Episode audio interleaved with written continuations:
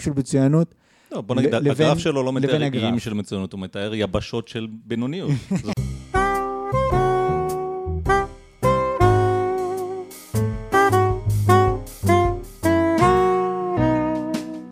אדם אקראי, הפודקאסט שאפשר בלעדיו. ערב טוב, בוקר טוב וצהריים טובים לכל מאזיננו. אה, אני רוצה בשמי ובשם המאזינים לברך את אה, ג'ריידי נחל. מה נשמע ג'ריידי? אני ג'ריידי. על הכיפאק. אז היום אנחנו אה, ב- נעסוק במצוינות כן. בחינוך. רק מצוינות רק אצלנו. מצוינות. רק מצוינות, כי זה... נר לרגלינו ורק מצוינות החינוך עומדת לנגד לישבננו. עינינו. הקיצר, אז כשאנחנו מדברים על חינוך, על מצוינות בחינוך. וגם מצוינות בחינוך, על מי אנחנו מדברים תכלס? אנחנו מדברים על דוקטור גיל גרטל. דוקטור גיל גרטל הוא uh, כתב החינוך של האתר שיחה מקומית, uh, וככזה, uh, אפשר להגיד שהוא שמאלן. זאת אומרת, זה לא יהיה הוצאת דיבה. אם אפשר להגיד דבר כזה, אז אמור נא. אז הוא שמאלן, ואנחנו, כן, כיוון שבסופו של דבר, אנחנו אנשי דיבורים ולא אנשי מעשים, בקושי אנשים בכלל, האמת. אז אה, אנחנו אה, נדבר איך באותות ובמופתים גיל גרטל הוכיח לנו. הוכיח לנו שהוא טועה. אז אה, אנחנו פשוט נקרא את ה... נקרא בחלקים את המאמר שגיל גר- גרטל כתב בשיחה מקומית. מהם אני רק רוצה של- לציין שאנחנו לא סתם נטפלים לדוקטור גרטל, אלא כמו שאמרנו בהקדמה, מצוינות בחינוך זה מאוד חשוב לנו. ומרוב שזה חשוב, אנחנו מחפשים על זה מידע, וככה נתקלנו במאמר של, אה, של הדוקטור כן, זה, הנכבד. זה נכון, וגם כיוון שבואו נודה על האמת, אה, יש פה איזה וידוי קטן. האנשים, רוב האנשים שאנחנו מסתובבים איתם, בוא נגיד, הם אה, יותר בצד השמאלי של המפה. אנחנו חושבים שאתם טועים, ואנחנו יכולים גם להסביר למה. אז במקום לתקוף איש קש, אנחנו תוקפים את דוקטור גרטל. אז אוקיי, המאמר שפרסם הדוקטור הוא, כבוד השופטים טעיתם, שוויון הוא המנוע, הוא המנוע להישגים ולמצוינות בחינוך. מה- למה כבוד השופטים? כי בג"ץ בעצם הייתה עתירה כנגד תשלומי הורים אה, בישראל, אה, במערכת החינוך, והעתירה הזאת אה, נדחתה. ודוקטור גיל גרטל הולך להוכיח לנו באותות ובמ- ובמופתים, כי רק שוויון יביא הישגים. אוקיי, אז בואו נתחיל לקרוא את המאמר ולאט לאט. אפתח ציטוט. פני, אה, לפני כשבוע פורסם פסק הדין של שופטי בית המשפט העליון בעתירה בענייני תשלומי הורים במערכת החינוך. מדובר בהליך משפטי בעל היסטוריה ארוכה ומסועפת, בהובלת האגודה לזכויות האזרח בישראל והקליניקה למשפט ומדיניות וחי- אה, חינוך באוניברסיטת חיפה. טענת העותרים המרכזית הייתה שהגדלת תשלומי הורים משקפת נסיגה עמוקה ומתמשכת של המדינה מחובתה להבטיח שוויון הזדמנויות בחינוך. מדיניות זאת, כך נטען, מובילה לגיבושן של מערכות חינוך נפרדות לילדים שהגיעו ממשפחות בעלות ממון ולכאלו, ולכאלו שלא, ואחראית במידה רבה להעמקת הפערים בין תלמידים מאוכלוס, מאוכלוסיות חזקות ומוחלשות. כן. בג"ץ דחה את העתירה. השופטים טענו, בין היתר, שלא הניגוד בין מצוינות לבין שוויון בחינוך, סביר ביניהם להגדיל את ההישגים והמצוינות באמצעות תשלומי הורים על חשבון השוויון. הממצאים שאציג בהמשך מוכיחים את ההפך הגמור. הגדלת ההישגים והמצוינות תיתכן לא על ידי תוספת כסף מצד ההורים והפרדה בין התלמידים, אלא דווקא על ידי כך שכל תלמידינו השונים ילמדו יחד, תוך שמירה על ערך השוויון. המחקר מוכיח קשר הפוך מזה שקבעו. מזה שקבעו השופטים, סליחה, ככל שבמדינה שיעור תשלומי ההורים נמוך יותר, החינוך מכליל יותר ושכר המורים גבוה יותר. כך ההישגים והמצוינות של תלמידיה גבוהים יותר. הטיעון המרכזי של השופטים נוגע כאמור לניגוד שבין שוויון לבין מצוינות. השופטים כותבים, מדינת ישראל אינה יכולה להרשות לעצמה להקריב את איי המצוינות הקיימים ואת השאיפה למצוינות לטובת עיקרון השוויון בחינוך. ועוד, מדיניות החינוך, שמכירה באוטונומיה ההורית ומקדמת מצוינות בלימודים, בהכרח פוגעת בשוויון הזדמנויות. מדיניות שבאה לקדם באופן אפ- אפקטיבי את שוויון ההזדמנויות בחינוך, חייבת לצמצם את האוטונומיה ההורית. טוב, בואו נעצור כאן לרגע. רגע, לא. לא לעצור? בוא נמשיך את הזה. האומנם, אוקיי. מאין לקחו השופטים את ההנחה שאיי המצוינות נוצרו על חשבון אי השוויון שיוצרים תשלומי ההורים? מאין הם לקחו? בוא תסביר לי, אה, אני האמת... מר חושף.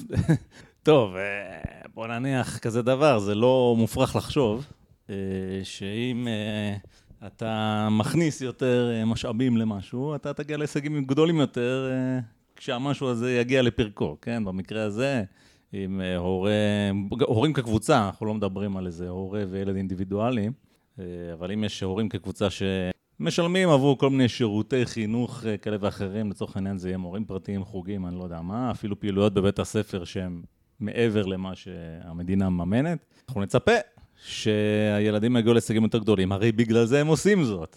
נכון? מתוך זה מה שהשכל הישר אומר, מתוך הציפייה שהילד יצליח יותר, ההורים מוכנים לשלם בשביל לקבל את ה... כדי להבטיח. כן. לנסות, ל... לא להבטיח, אבל לקדם את ההצלחה שלהם. יש לנו גם את הניסיון האישי שלנו, נכון? שאם נגיד אתה לומד בכיתה, יש אנשים ברמות שונות, זה... התלמידים הכי טובים ישתעממו, והתלמידים הפחות טובים, בהם ירוכז רוב המאמץ, כי כולם, כולם כבר הבינו, אז במי צריך להתאמץ, ומי שלא הבין. ואם אתה לוקח כיתה של תלמידים טובים, אתה שם את כל התלמידים הטובים ביחד, אפשר להתקדם בחומר יותר מהר. כן, ואומנם. הכיתה הזאת תפתח פער על הכיתה האחרת שבה יש את התלמידים נכון. הפחות טובים. אז... אה, אני ראיתי את זה במו עיניי, כי אני בעצמי לימדתי כיתה כזאת, לא יודע אם אתה זוכר. איזה כיתה לימדת? אבל אני לימדתי, זה לא היה בבית ספר, אבל באמת אי של מצוינות, זאת אומרת, אה, באוניברסיטה. ילדים שהם בגיל התיכון, אבל הם מאוד מוכשרים, והם הגיעו לאוניברסיטה, והם פשוט uh, סיימו, הם הגיעו לצבא, נגיד, עם uh, תואר או שניים אפילו. חלק כן. מהילדים האלה. אוקיי. Okay. וברמה של אוניברסיטה, זאת אומרת, הבחינות, הם עבדו בבחינות הרגילות. אוקיי. Okay. לא, אני לא כתבתי את הבחינות. Okay. אני אוקיי. רק העברתי את הקורס. אז אני יכול להגיד שכשמקבצים את כל הטובים ביחד, בהחלט uh, מגיעים לתוצאות, זה מעדות אישית שלי. ילדים מאוד מאוד חכמים, זה היה גם קצת קשה ללמד אותם, חכמים מדי קצת. בוא, בוא נגיד שאנחנו אומרים פה, כן?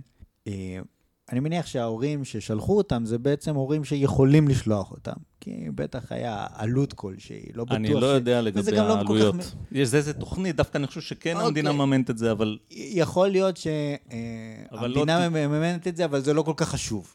מישהו מממן את זה. כן. לצורך, אם אתה אומר, אני רוצה לא, שוויון... לא מחלקים את זה לכל התלמידים במדינה. כן, זה ברור, ברור. זה רק הכי טובים. ברור. אז מישהו מממן את זה, ומישהו מממן את זה שיהיו חבר'ה ש... ייתנו להם, בוא נגיד, יתרון תחרותי לעומת הילדים האחרים, והאלטרנטיבה היא לא לתת להם את זה. כן. זאת אומרת, יש ילדים נורא מוכשרים שיכולים לסיים שני תיאורים, שני תארים, סליחה, עוד לפני שהם התגייסו, כן. ומה שדוקטור גרטל הוא אומר, הוא אומר, לא, הם כל כך טובים, אל תדאג להם, הם כבר לא, יסתדרו. לא, עדיף כאילו לא לקדם אותם למען ש... למען שיהיה שוויון הזדמנויות. אפילו אם אפשר, אולי נחתוך להם חלק מהמוח כדי שחס וחלילה לא יצברו יתרון. כן, אבל פה צריך להבדיל, אני, אני רציתי כן להתייחס לעניין הזה של שוויון הזדמנויות, דווקא מדוקטור אה, גרטל אה, מצטט את השופטים, משפט שאתה כבר הקראת אותו, אני אחזור עליו, אבל אה, מדיניות החינוך שמכירה באוטונומיה הורית, כך השופטים, כן? ומקדמת מצוינות בלימודים, בהכרח פוגעת בשוויון הזדמנויות. האמת היא שאני לא כך מסכים עם המשפט הזה, כי המילים פה מאוד מתעתעות. בואו נחשוב על זה שבישראל יש הרי את חוק חינוך חובה חינם. אז מאחר שיש את החוק הזה, כן, למדינה יש חובה, זה החוק של המדינה, המדינה צריכה לעמוד בחוק של עצמה, יש לה חובה לספק חינוך לכל האזרחים, אבל מה פירוש שוויון הזדמנויות פה? זאת אומרת, יכול להיות ששוויון הזדמנויות זה, יש מינימום שמובטח לך. זה שלאחרים שיש להם קצת כסף בכיס, הם יכולים להרשות לעצמם עוד, זה לא אומר שאתה לא קיבלת את המינימום שהובטח. זאת אומרת, ייתכן בהחלט תלוי קצת איך אתה מפרש את המילים האלה, שוויון הזדמנויות, אבל יכול להיות שאין שום סתירה. זאת אומרת, יש, נקרא לזה שוויון, אולי זה לא בדיוק המילה הנכונה, אבל בסיס משותף, איזה baseline, שמתחת לא, אתה לא נופל ממנו. אתה יודע מה, אתה צודק, זה באמת קצת מבלבל. זאת אומרת, כן. לצורך העניין, כן, כולם בעצם יכולים להגיע לתוכנית הזאת של האוניברסיטה. אם כן. אתה, לצורך העניין, לכולם יש את ההזדמנות, אם אתה מספיק חכם, יופי, אם לא, אז לא. אז באמת... אה, לא, בוא נגיד שחוסר השוויון פה נוצר על ידי הטבע בעצמו. נכון, הטבע חילק את השכל, לא נכון, שווה בשווה לאנשים. אבל עכשיו השאלה, האם יש פה בעצם עניין של אה, תשלומי הורים? זאת אומרת, האם אה, תשלום של ההורים, כן, רק בעצם זה שיש לך כסף, כן. אתה בעצם יכול לקחת את הילד שלך ולדחוף אותו קדימה. ולעומת ילד שהוא מוכשר בדיוק באותה מידה, אבל אין לו כסף. עכשיו, זה בעיה מעניינת, אבל צריך להבין קצת מה בעצם הקשר בין המדינה לבין מערכת החינוך. מה בעצם המדינה רוצה ממערכת החינוך, כדי להבין למה הדבר הזה איננו מדויק. זאת אומרת, המדינה בעצם רוצה ש... לדחוף אנשים למצוינות, ומישהו שאין לו כסף, יש לה אינטרס לדחוף אותו קדימה. זאת אומרת, גם על ידי מתן של אה, איזשהו מענק למען... אה, יראו וייראו. כן, למען סובסידיות כדי להתקבל אה, לאיזושהי תוכנית. יש לה אינטרס לקחת אנשים שהם טובים ולדחוף אותם קדימה. כן.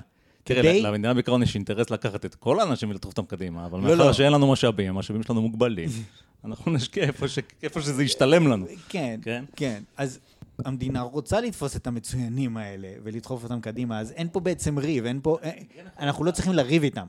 מה שכן, מה שכן, באמת, הטענה היא, האם יש אנשים שהם לא מצוינים. יש אנשים, אנשים כאלה, כן. לא, כן, האם יש אנשים לא מצוינים שחלק, שחלק כאילו נדחפים קדימה כי להורים שלהם יש כסף, וחלק לא נדחפים אה, קדימה כי להורים שלהם אין כסף. זאת אומרת, לגבי המצוינות, בוא, בוא נשים את איי המצוינות האלה בצד. אנחנו כן צריכים אותם. אבל אם, אם אנחנו מדברים על אה, אנשים רגילים, רגילים כן. אם אנחנו מדברים על אנשים רגילים... לא, אם אנחנו, אני לא יודע אם אנחנו עושים את זה, אבל אם אנחנו מדברים על אנשים רגילים, אז אני לחלוטין שכחתי על מה נדבר, אז בוא נתקדם. אוקיי, אז... כן. לא, אז אני רוצה למשוך את תשומת לבך לעוד איזה עניין. כן. אה, וזה גם כבר פסקה שציטטת, אני אחזור. אז טענת העותרים מובילה לגיבו... אה, שהמדיניות של הממשלה שמרשה את תשלומי ההורים, אפתח אה, ציטוט, מובילה לגיבושן של מערכות חינוך נפרדות לילדים שהגיעו ממשפחות בעלות ממון. ולכאלו שלא, ואחראית במידה רבה להעמקת הפערים בין תלמידים מאוכלוסיות חזקות ומוחלשות. אז אני רוצה להפנות את תשומת לבך, עד סוף ציטוט, לשני עניינים כאן. העניין הראשון, שהוא פחות חשוב, זה. קצת השימוש בשפה, דווקא שמאלנים אוהבים לנתח שפה, חזקות ומוחלשות, כן? זה אומר דרשני. כי האמת היא ש... איזה מין הרגשה זה נותן לך? יש את אלה שהם פשוט חזקים. ככה, הם חזקים, זהו. יש את, אין, אין כאלה שסתם חלשים. מישהו החליש אותם. ההפך הוא הנכון. המצב הרגיל הוא שכולם חלשים. נעשינו חזקים, כן? כי הצלחנו, כי השגנו כל מיני הישגים, ועושר, וכסף, וטכנולוגיה, ומה שאתה רוצה. זה עניין אחד. העניין השני, זה העניין של העמקת הפערים. אני מחזיר אותך למה שאמרתי קודם.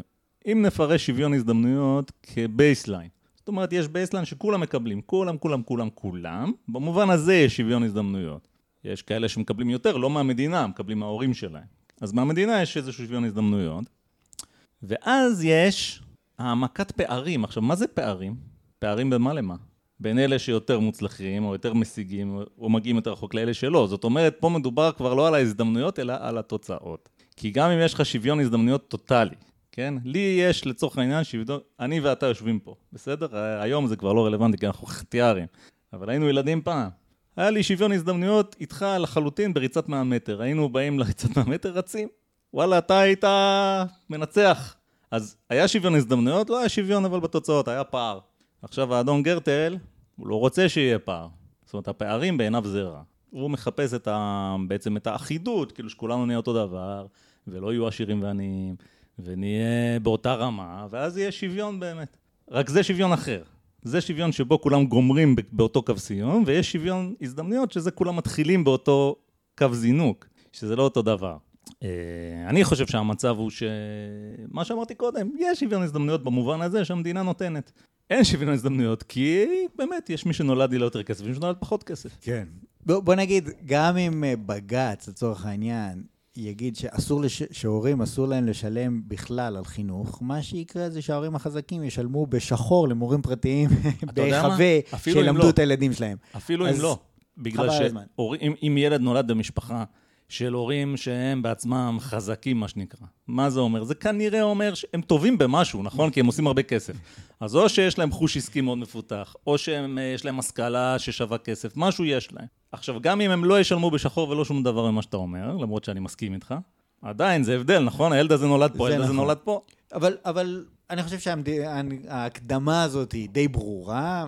בואו נתקדם קצת ונסתכל בעצם אה, לגופו של מאמר ונבין מה קורה פה. בסדר, אין בעיה. אז אה, מה גיל גלטר בעצם, נמשיך, אה, אה, איך, איך הוא מנתח את המצב? כי נפתח יש לו ציטוט, פה איזה אנליזה. נפתח ציטוט. אז uh, כמו שאומר uh, גיל גרטל במאמר, אני, כן, פתח ציטוט. הממצאים שאציג כאן לקוחים מתוך דוחות ה-OECD, יש דרכים שונות למדוד תשלומי הורים, כגון גובה התשלום בכסף, או שיעור התשלום כאחוז מהתמ"ג. בחרתי בנתון המציג את החלק היחסי שמהווים תשלומי ההורים בכל מדינה, מתוך כלל ההוצאה על חינוך באותה מדינה. או, כבר יפה. אתה אתה זוכר את הפרק שלנו על השחזור של המחקרים? זוכר. מה אמרנו? עושים. מחקר, וכל אחד בוחר מה שהוא רוצה. הוא אפילו לא מתבייש.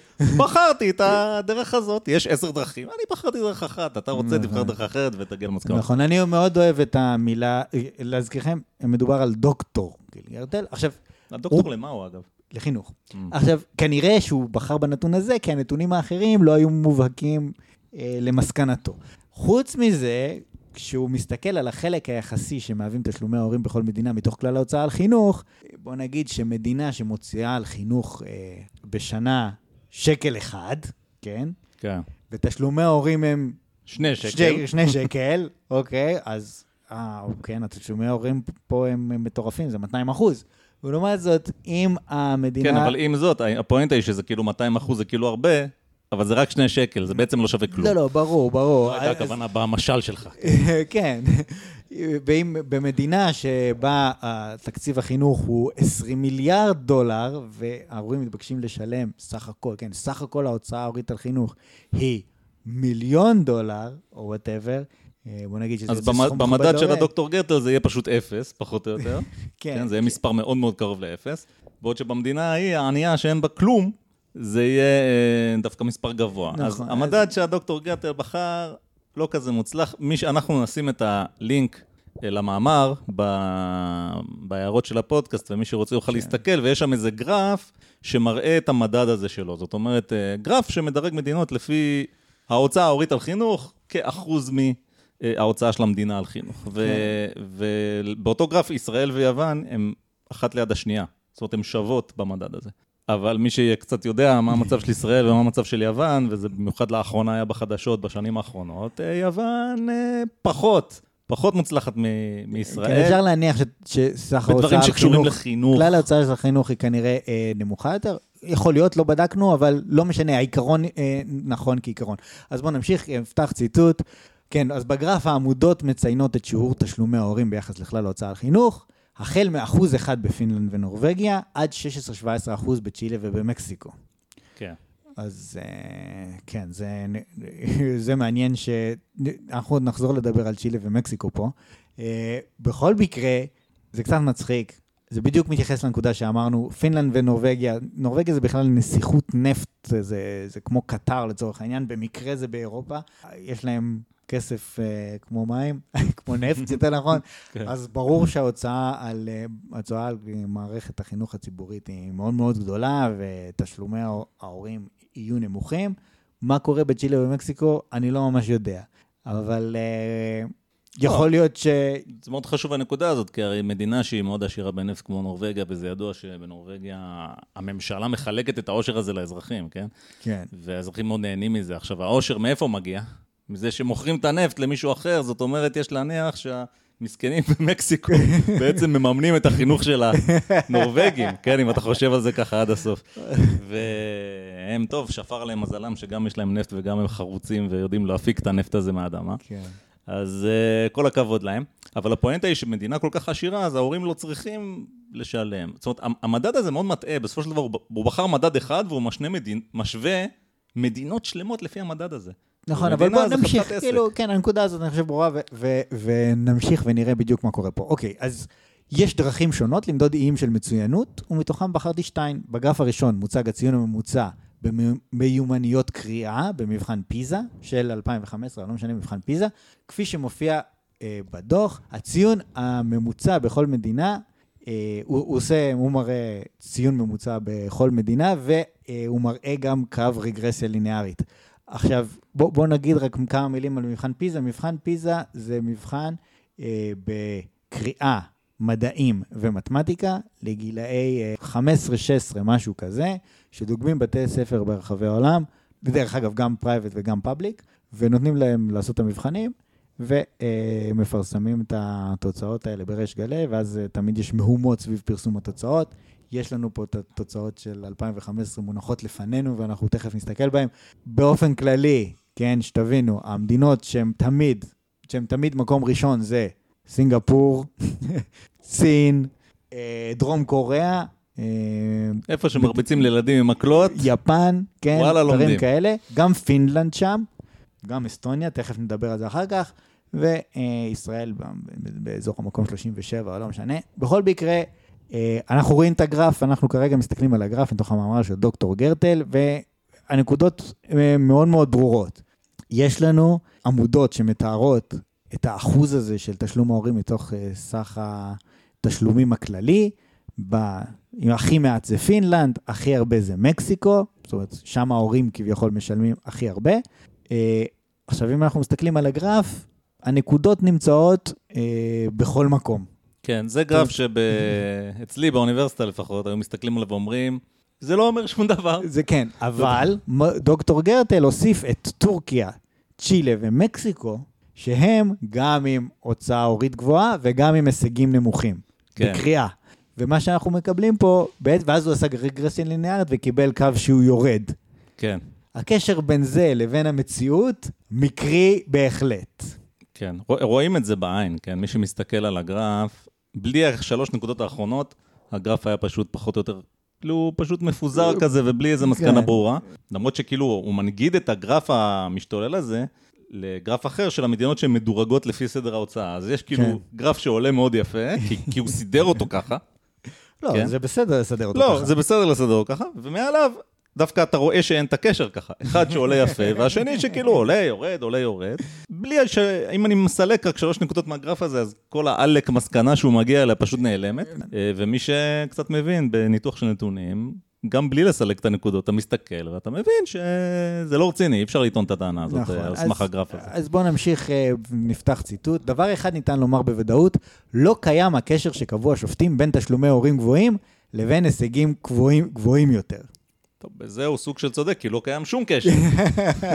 לא נכון, שהשופטים אבל קבעו, ולא נזכור, שהשופטים לא זה, קבעו. זה, כן, זה לא תשלומי הורים, זה תשלומים יחסית לאושר של המדינה. בואי, אתה יודע מה? כן? שמתי לב למשהו. כי הוא אמר, אוקיי, שים לב, דווקא זה יפה. אז פתח ציטוט, הדוקטור גטל אומר, לא קיים הקשר שקבעו השופטים בין תשלומי הורים גבוהים לבין הישגים גבוהים יותר, אבל הוא הוכיח את זה בעזרת המדד שהוא בחר, גם לגובה התשלומי ההורים וגם כן. לגובה ההישגים. אני לא יודע באיזה מדדים השופטים השתמשו, אם הם השתמשו במדדים בכלל. נכון, אבל לא, הוא שם להם מילים בפה פה, אתה מבין מה, מה קורה פה. לא, הוא, מה זאת אומרת מבין מה קורה פה? יכול להיות... מה שהוא אמר לא ש- נכון. מה שהוא אומר לא נכון, אבל אני אומר שהוא מנסה להגיד, השופטים טענו שיש קשר, והנה אני מראה לכם את הגרף ורואים בבירור שאין את הקשר הזה. אבל זה גרף שלו, זה לא הגרף של השופטים. אני לא יודע אם השופטים הסתכלו על גרף, וגם זה לא העניין פה. העניין הוא ש... השופטים הוא- החליטו מה שהם החליטו בלי קשר לשוויון. אני אומר לא שיכול להיות שלשופטים היה, אני לא יודע מה הם עשו, אבל יכול להיות שהיה להם גרף אחר, שדווקא כן הוכיח את הטענה שלהם. יכול להיות, אני אזרום והוא איתך. אה, סותר אותם בצורה שהיא לא הוגנת. זאת אומרת, זה אישקש לדעתי. אם אתה. שואל אותי, זה לגמרי אישקש. זה... אתה אני לא ש- כזה מסכים. אני לא אוקיי. שואל אותך. אוקיי. בסדר. זאת אומרת, הרבה אנשים יקראו את זה ויגידו, כן, הכל טוב, הכל נכון. בואו נדבר על... אה, טוב, שיחה בשביל זה אנחנו פה, נכון? נכון, כדי להשפיע. מרוב טובנו על העולם. למה אנחנו מתכנסים כאן פעם בשבוע? יפה. אז בואו נפתח ציטוט. אם בכלל, הרי קו המגמה מוכיח את הקשר ההפוך. ככל שמדינה מטילה על ההורים שיעור גבוה יותר של תשלומי הורים, כך הציונים במיוניות הקריאה יורדים. הדבר בולט במיוחד במדינות הקצה. בטורקיה, צ'ילה ומקסיקו, שיעור תשלומי ההורים הוא הגבוה ביותר בין המדינות שנבדקו, והציונים של, תלמידי, של תלמידיהם הם הנמוכים ביותר. כך גם בצד השני, פינלנד ונורבגיה מטילות על ההורים אה, תשלומי הורים מזעריים, והישגי התלמידים שלהם הם בין הגבוהים מכל המדינות. דבר ראשון, אני רוצה להגיד שזה נחמד מאוד, כי מה, מה שעשה גרטל, כן, בתחילת המאמר, אנחנו דיברנו על איים של מצוינות. זאת אומרת, כן. על זה השופטים מדברים בעצם. זה זה ביטוי שהם, שהוא ציטט מהם, איים של מצוינות. כן. עכשיו, פה אנחנו מסתכלים על ממוצע של כלל התלמידים. כן, נכון? זה לא אי של שום דבר. אנחנו לא מדברים פה על אי, אנחנו מדברים פה על ההישגים של כלל התלמידים, ולא על התלמידים הטובים ביותר, ולכן אין שום קשר פה. זאת אומרת, בוא, בוא, בוא נדבר לעניין. יכול להיות שמדינת ישראל, זו טענה, אני יודע, משוגעת, אבל יכול להיות, שיש שכבה של מצוינים, שהם מאוד מאוד מאוד טובים, אוקיי? ויש הרבה שהם ממש גרועים. כן. שאולי אפילו לא לומדים שום דבר שיעזור להם לעבור את מבחן פיזה. היום. יכול להיות. זה, כן, זה לא, יכול להיות, לא מופרע. זה נשמע מופרע קצת, אבל זה יכול להיות. ולעומת זאת, אם נסתכל על מדינה כמו פינלנד, ש-91% מהתושבים של פינלנד הם פינים, אין כמעט הגירה לצורך העניין בפינלנד, פשוט כולם פינים וכולם אותו דבר. ומספיק שהם יהיו בממוצע יותר טובים מאיתנו, ושהממוצע שלהם יהיה יותר גבוה. אז איך, איפה הקשר פה בין איים של מצוינות? לא, בוא נגיד, לבין- הגרף שלו לא מתאר איים. של מצוינות, הוא מתאר יבשות של בינוניות. זאת אומרת, הוא מסתכל על, על... המבחן פיזה הזה, הוא לא מודד איים, הוא מסתכל באמת על האוכלוסייה הכללית, כמו שאתה אומר. ואתה יודע, יכול להיות שבמדינה אפילו נחשלת אה, יחסית, כמו, ניקח את מקסיקו, שזו אחת המדינות היותר חלשות שם. גם במקסיקו יש בטח איזה אי או שניים של מצוינות, כי אולי הוא אי יותר קטן, אולי יש פחות איים, אבל משהו בטח יש, זו מדינה של. מיליונים. יכול להיות, כן. אז, אז האם אתה רוצה לקחת אנשים מהאי הזה של המצוינות במקסיקו ולדחוף אותם למערכת הכללית הכושלת, כן? זה בעצם כן. מה שמציע פה לא, הוא. הוא נורא מערפל, אני חושב שאני לא יודע מה הוא מציע, אבל הוא אומר, הוא דיבר על האיים, אחר כך הוא מציג לך משהו שלא. קשור לאיים, זאת אומרת, הוא אוקיי. מאוד מערבב את ה... הוא אנחנו פשוט מפרש את הנתונים איך שבא לו. נסתכל בסוף, אבל אני חושב שכן, עולים פה כל מיני דברים בהקשר הזה. בכל מקרה, אז אה, כן, אין שום קשר בין הגרף לעל מה שאנחנו מדברים עליו, אז זה- אז זה חרטוט. דבר שלישי, קנדה, כן, אה, בגרף הזה ממוקמת במקום אה, גבוה, זאת אומרת, יש בו מעט יחסית תשלומי הורים, כן? זאת אומרת, החלק היחסי של תשלומי ההורים מסך התשלומים אה, זה סך הכל יחסית אה, נמוך, והציונים שלהם בקריאה הם מאוד מאוד גבוהים. זאת אומרת, ההישגים שלהם, אה, אולי הם אפילו מקום ראשון פה, לפי הגרף קצת קשה לראות, אבל... כן. עכשיו, בוא, בוא נדבר על קנדה, כי זה מקום שאני מכיר. כן? כן. מה לעשות, חייתי שם שלוש שנים, אני לא יודע אם דיברנו על זה פה בפודקאסט. לא, אף פעם לא על הזכרנו את זה? אוקיי, אז בואו נדבר על קנדה, כי גם היה לי פעם, ילדים פעם. ב- במערכת החינוך הקנדית, וגם אני מכיר ככה אנשים אחרים, אז, אז בואו נגיד, האם הנתונים בכלל נתון, נכונים? אז קודם כל צריך להבין, בקנדה, כן, ספציפית אני הייתי בטורונטו, זה, זה, זה באופן כללי בקנדה, יש הרבה בתי, בתי ספר פרטיים יקרים מאוד. זאת אומרת, אנחנו מדברים על שכר לימוד שנתי של 80 אלף שקל לשנה לילד. סכום עגול. זה, זה כאילו, זה הרבה כסף. כן. בסדר? אנחנו מדברים על Toronto French School, אנחנו מדברים על Crescent, מדברים על Upper Canada College. זאת אומרת, לא איזה בית ספר שכאילו, איזה, על האולימפוס. יש פשוט כאלה, כל, הז- כאילו, בכל מקום. יש גם כאלה עם אה, שכר לימוד אה, טיפה יותר נמוך. אה, לא יודע מה, 15 דול, 15 אלף דולר קנדי בשנה, נגיד הבתי ספר היהודיים, כן? זה מאוד מאוד מקובל שם לשלוח את הילד לבית ספר פרטי. אני מניח שעדיין הרוב הולכים לציבורי, אבל זה, זה בהחלט לא unheard of. מה כן. שבישראל, מי הולך לבית ספר פרטי? זאת אומרת, יש את הריאלי בחיפה, וזהו פחות או יותר. והחרדים, אבל נשים את זה בצד. אז להגיד שאין תשלומי הורים, שהיחס של תשלומי הורים הוא נמוך, אז זה נכון שהילד שלי הוא הלך לפאבליק סקול, ובאמת אתה לא צריך לקנות ספרים, אתה לא צריך לקנות עפרונות, כן? הכל יש. כן. זאת אומרת, אתה פשוט שולח את הילד לבית ספר ושוכח מכל העניין. כן. אבל... אה, עד שהוא חוזר, ואז אתה נזכר ששלחת אותו, אבל... אבל להגיד שבגלל זה היחס בין תשלומי ההורים לבין ההוצאה הכללית לחינוך היא נמוכה, אני לא יודע אם זה כל כך נכון. זאת אומרת, לא, גם בוא נגיד, יכול... יש פה... בגלל זה המדד הזה נורא מטעה. יכול להיות שהנתון שלו נכון, לא, אנחנו... וזה מה שאמרנו קודם, עדיין, מבחינת הוצאה תכלס על חינוך, היא מאוד מאוד גבוהה, רק יכול להיות שהמדינה גם מממנת הרבה מאוד, כן, וגם היא מוציאה המון. ויכול ואז להיות, המספר, זה המדד אנחנו- הזה עדיין יוצא נמוך. זה אנחנו לא יודעים, כי הוא לא מפרט, מר גרטן, מאיפה הוא הוציא את הנתונים. כן, כ- הוא נתן לנו שבר, אבל לא את המונה ולא את המכנה. כנראה, כנראה, ניחוש שלי, הוא מדבר רק על המערכת הציבורית. זאת אומרת, תשלומי הורים במערכת הציבורית, ולא אה, במערכת. הפרטית, כי המערכת הפרטית מגלגלת אבל זה מאוד מטעה לעשות. אם זה מה שהוא עושה, אז הוא סופר מטעה. אני... כי מה? אז למה יש את המערכת הפרטית? זה כאילו ה over, זה כאילו סופר. אני עד כדי כך כאילו לא, לא יודע, לא רוצה שהילד שלי ילך למערכת ציבורית מאיזושהי סיבה, שאני מוציא את ה-80 אלף כאילו בשביל שהוא ילך לבית ספר פרטי, אז זה כבר בעצם, אפילו שהמדינה הציעה מימון, אני לא, לא רוצה את המימון. זאת אומרת, לא, לא לקח, אני לא יודע, שוב, אנחנו לא יודעים מה הוא לקח בחשבון ומה לא, כי הוא לא בדיוק הסביר. אם הוא עשה את מה שאמרת, זה לא, אבל בוא נגיד... זריעת חול בעיני לא, לא, לא, הקוראים. לא, אה, אני, אני חושב שזה פחות משנה. בוא? נפרגן לו, בוא נגיד שלא. הדבר העיקרי שקורה פה זה שאנחנו רואים שיש פה מערכת חינוך ציבורית חזקה. זאת אומרת, יש, יש בה הרבה משאבים והיא לא דורשת הרבה תשלומי הורים. ומגיעה להישגים, כי ראינו את הציון ב- כן, במבחן נג- של נגיד- פיזה. מגיעה להישגים, הישגים נגיד, גדולים. והיא חיה לצד מערכת פרטית חזקה, שלצורך העניין זה איים של מצוינות, או לא איים של מצוינות, לא כל כך חשוב, אני לא, לא מכיר את התוצאות פר בית ספר, אני יכול להניח שכן, אבל אני לא יודע. וזה בטענה, וזה בניגוד מוחלט לטענה של גרטל, שטוען שאת איי המצוינות צריך לחשל, לחסל בשם השוויון. כן. לא ברור מה שהוא אומר. אוקיי, דבר רביעי, רמת הלימודים, לפחות בבתי הספר הציבוריים, אך המצב גם לא מאוד שונה בפרטיים העיקריים ביותר, לא מאוד גבוהה. בקנדה. בקנדה. זה, אני אומר לכם את זה בתור אחד שהיו לו ילדים, אה, ב, ב, אומנם ביסודי, אבל הם למדו שם. אבל אתה גם מכיר אנשים עם ילדים ילדים, יותר גדולים. ו- כן, ויש לי ילדים במערכת החינוך, בישראל. היינו מקבלים שיעורי בית, זה היה מגוחך. זאת אומרת, הילד היה בכיתה א', והיה היה ציור של שלושה כלבים, ועוד ציור של שלושה, שלושה כלבים, והוא צריך לכתוב כמה כלבים יש בסך הכל. וזה היה אותו דבר, מהיום הראשון ללימודים עד היום האחרון ללימודים. לפעמים זה היה ארבעה כלבים וחמישה כלבים, או ארבעה ארנבים ושלושה ארנבים, אבל זה, זה היה השאלה בשיעורי בית, עד סוף השנה, אוקיי? עכשיו, בגלל זה קנדה מגיעה, אגב, לציונים מאוד גבוהים בטקסונומיה.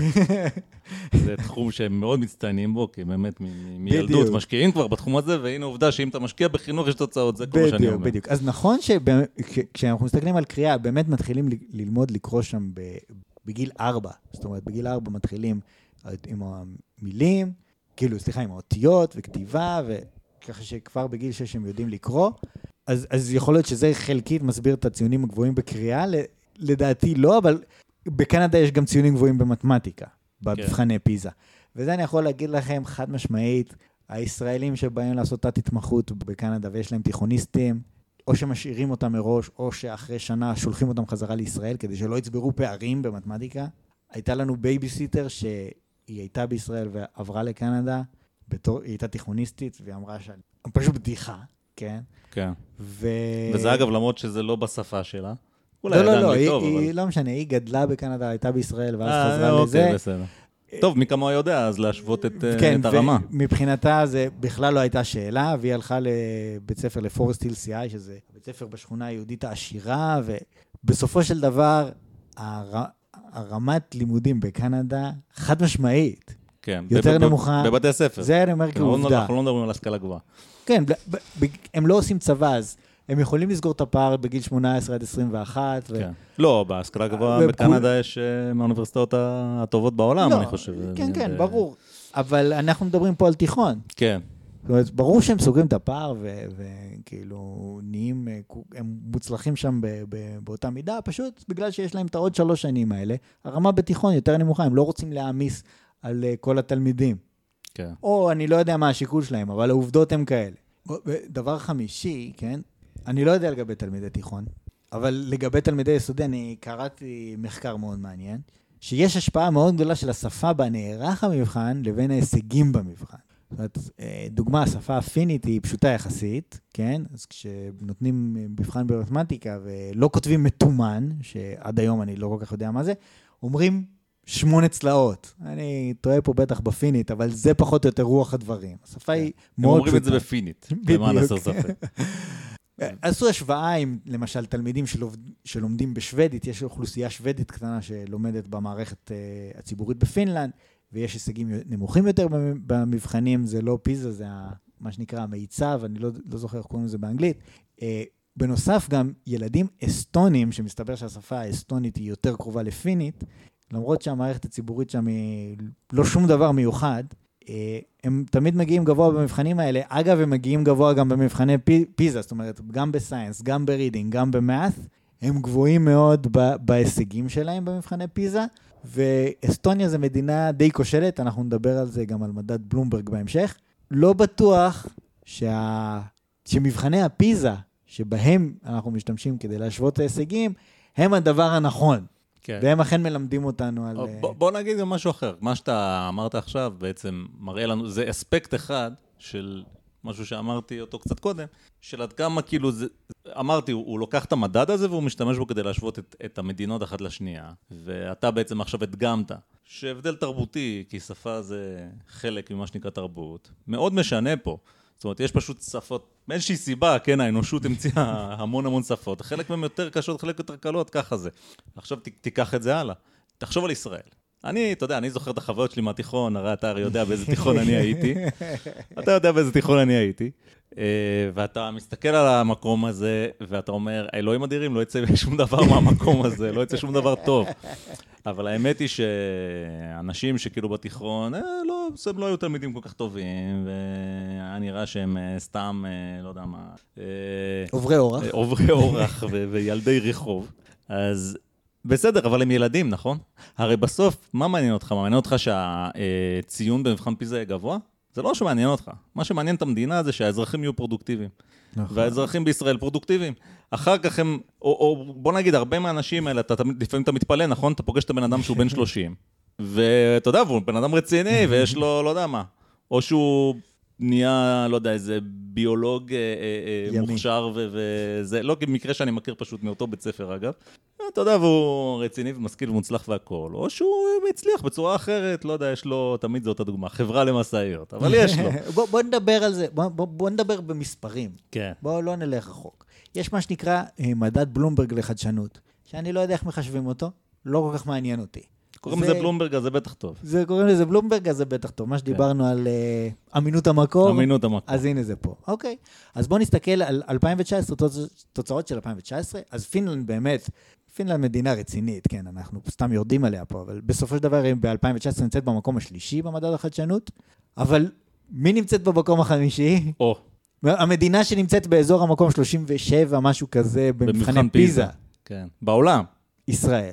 כן, אז ישראל בפיזה היא במקום. במקום 37 או 39, ובדירוג מדד החדשנות של בלומברג היא מקום כן. חמש בעולם, שזה די מדהים האמת. אם אתה מסתכל על, ה, על ההפרשים גם, אתה רואה שזה מאוד, הם מאוד מאוד קרובים לפינלנד. אנחנו, בוא נגיד, אנחנו, מאוד הם, מאוד כן. קרובים הם לפינלנד. המוצלחים, לא אנחנו, אבל אלה- שתורמים למדד הם. בלומברג. מאוד קרובים לפינלנד, שזה מרתק. זאת אומרת, לצורך העניין, אם מבחני פיזה באמת היה איזשהו מדד לכמה מערכת החינוך פה מזעזעת בלהכין אנשים להיות אה, בוגרים פרו- פרודוקטיביים, היית מצפה לפער עצום. אז נניח היית אומר, אוקיי, יש- הישראלים קצת סוגרים את הפער, היית אומר, אוקיי, אז זה לא... אז זה לא 20 נקודות, זה 17 נקודות, ובאמת הפ- ההפרש בפועל הוא איזשהו חצי נקודה, שזה די מפתיע. אם אנחנו כבר מדברים על קנדה, אז היא במקום 20, בחברה טובה ליד איטליה ופולין. כן. אסטוניה, המדינה שדיברנו, שהיא במבחנים... שאגב, אצל גרטל, קנדה לוקחת אותנו בגדול. כן. אבל אצל בלומברג, שאגב, בין בלומברג לגרטל אני בוחר את בלומברג, לא יודע לגביכם. תסתכלו, תבדקו מי זה בלומברג, תבינו מה, מה קורה. אז אני לוקח את בלומברג, ושם דווקא אנחנו מכים את קנדה שוקול ירח ב- בעניין הזה, כן? נכון, כן. ו- ואגב, ברור שקנדה היא מדינה יותר מוצלחת מישראל, אז זה רק מראה לך כמה כל המדדים האלה מתאים לא, מה זה, מה זה, אנחנו מדברים פה על uh, חינוך, ל, בוא נגיד, להיות uh, מבוגרים פרודוקטיביים שמכניסים כסף. כן. מייצרים תל"ג. זאת אומרת, אני לא רוצה לדבר ספציפית על תל"ג, כי יש פה כל מיני, כי אנחנו, אוקיי, בוא נגיד ככה, אנחנו רוצים לדבר על איים של מצוינות, כן? ולא על הממוצע של כלל האוכלוסייה, כן. אוקיי? לא, אבל יכול להיות שהאי של מצוינות תורם לתמ"ג, כאילו, לא, יר- באופן לא פרופורציונלי. זה, אה, זה כן, אבל השאלה אם הוא, הוא יכול להיות שהוא סוחב עליו איזשהו גיבנת. כנראה, שקשה כנראה לו- שהוא סוחר. אוקיי, אז, אז בגלל זה אנחנו לא, לא מדברים על המדד אה, לחדשנות, וזה גם יותר קשור, בוא נגיד, לחינוך פרופר, כי תל"ג, נגיד, אה, ישראל לא יכולה להתחרות עם, אה, לא יודע, נורבגיה, נורבגיה שיש להם כן. טונה של נפט, אוקיי? אז, אז אה, בוא, בוא נדבר תכלס, מה שקשור לחינוך, על חדשנות, ישראל במקום החמישי, אסטוניה, שהיא במבחנים ההש- ההשוואתיים, נכנסת ב top 10, גם ב science, גם ב reading וגם ב math, היא מקום 36. במדד החדשנות של מדד בלומברג. החדשנות של בלומברג. כן, טוב, אז אני מבולבל, אה, ג'ריידי, לאיזה מדינה יותר טובה? זה מה שלא הבנתי עדיין. איזה מדינה טובה יש אה, מגוון כן. שיקולים. במה? בריקודי בטן, למשל? לא, לא זאת, לא זאת? ולא זאת, יש מדינות אחרות יותר טובות. אני אתן לך, אה, כאילו מדינה שאתה יכול ללכת, להיות שם, ולא יבלבלו לך את המוח, לשם תלך. כל- כל השאר לא חשוב. אוקיי, איש של מצוינות, אגב, נשמע לי בדיוק מתאים לזה. מה שאמרת עכשיו, זה אשכרה איש של מצוינות. זה המצוינות האמיתית. איפה בלומברג? זה המדד שהוא צריך למדוד. איפה לא מבלעים לך את המוח? אני רוצה לדעת את המדינה שהיא מקום ראשון בזה, מחר אני עולה על מטוס. בוא נגיד, אה, כן, דבר אה, אחרון בסקשן הזה, בכותרת גרדל דחף את המילה שוויון, כן, נו. אבל איך זה קשור פה? הכותרת עוד לא התאוששה מזה שהוא דחף לה את המילה הזאת. כן, אני רציתי להתייחס לעוד איזה עניין. אה, אני חוזר קצת אחורה. אה, נצטט שוב את הדוקטור אה, גרטל. ככל, תפתח ציטוט, ככל שמדינה מטילה על ההורים שיעור גבוה יותר של תשלומי הורים, ככה ציונים, בכך וכך יורדים עם סימן קריאה. סגור ציטוט. אהבתי את ה... שוב, אני, אתה יודע, אני אוהב לתפוס אותו במילים, כי לתפוס משהו אחר זה לא, לא יפה, אז במילים אני... המדינה מטילה על ההורים שיעור גבוה יותר? לא על זה מדובר. הרי כל העניין התחיל מעתירה של בג"ץ, שההורים בהתנדבות, או אתה יודע, או אולי הבית ספר מציע להם, אה, בואו ת, תביאו כסף ואנחנו נפתח לילד שלכם איזה חוג, אה, והם אומרים, אוקיי, בסדר, נשמע טוב, בבקשה, קחו את הכסף. אני אתן לך דוגמה קונקרטית. זה לא, אבל זה לא תשלום שהטילו עליהם, אף אחד לא הטיל עליהם את זה, בטח שלא המדינה. אז על מה הוא מדבר? אני אתן לך קונקרטית, כן. אני, כן, הילד שלי היה בבית ספר הניסוי בירושלים.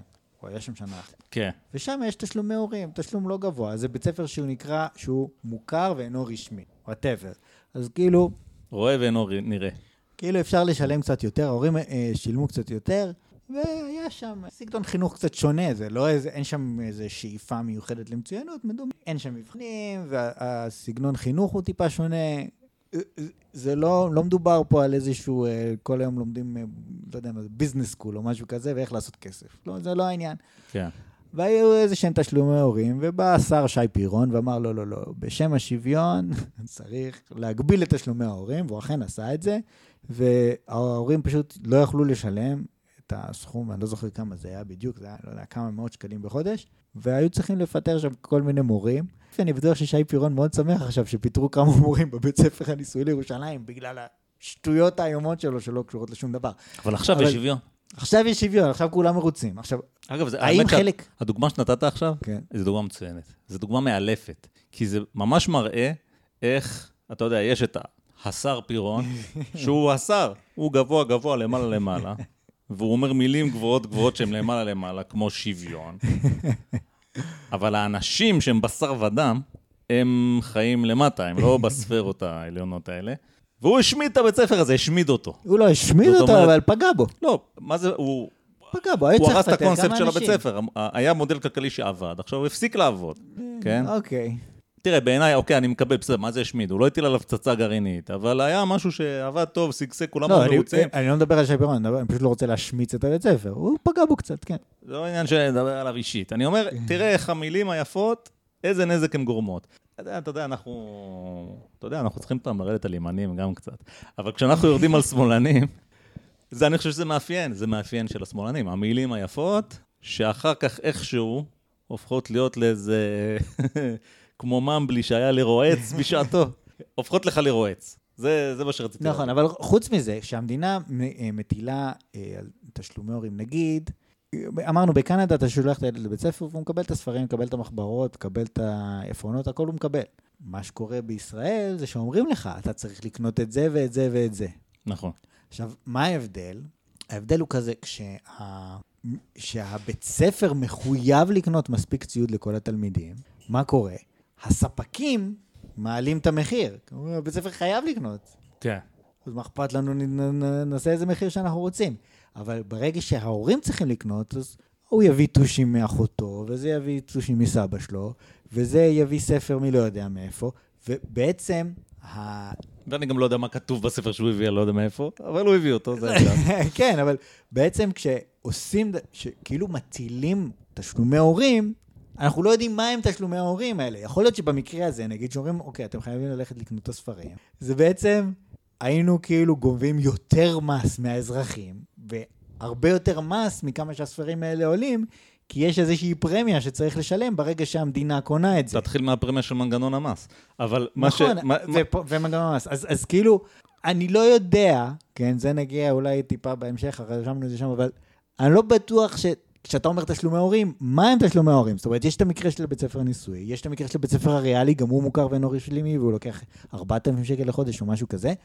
יש את הבתי ספר החרדים שהם אה, גם מוכרים שאינם רשמיים, ואני לא יודע בדיוק מה הולך שם.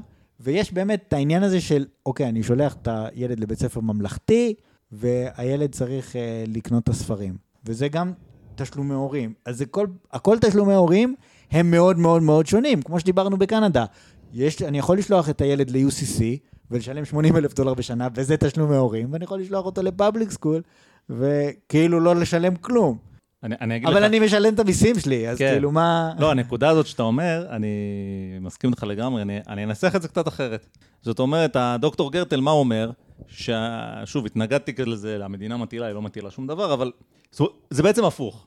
מה שהוא אומר, הוא מנסח את זה ככה, המדינה מטילה על ההורים הרבה תשלומים, והוא מדבר על מדינות כמו מקסיקו, שזה מבחינתו המקרה שהוא רוצה להראות לך איך זה לא עובד.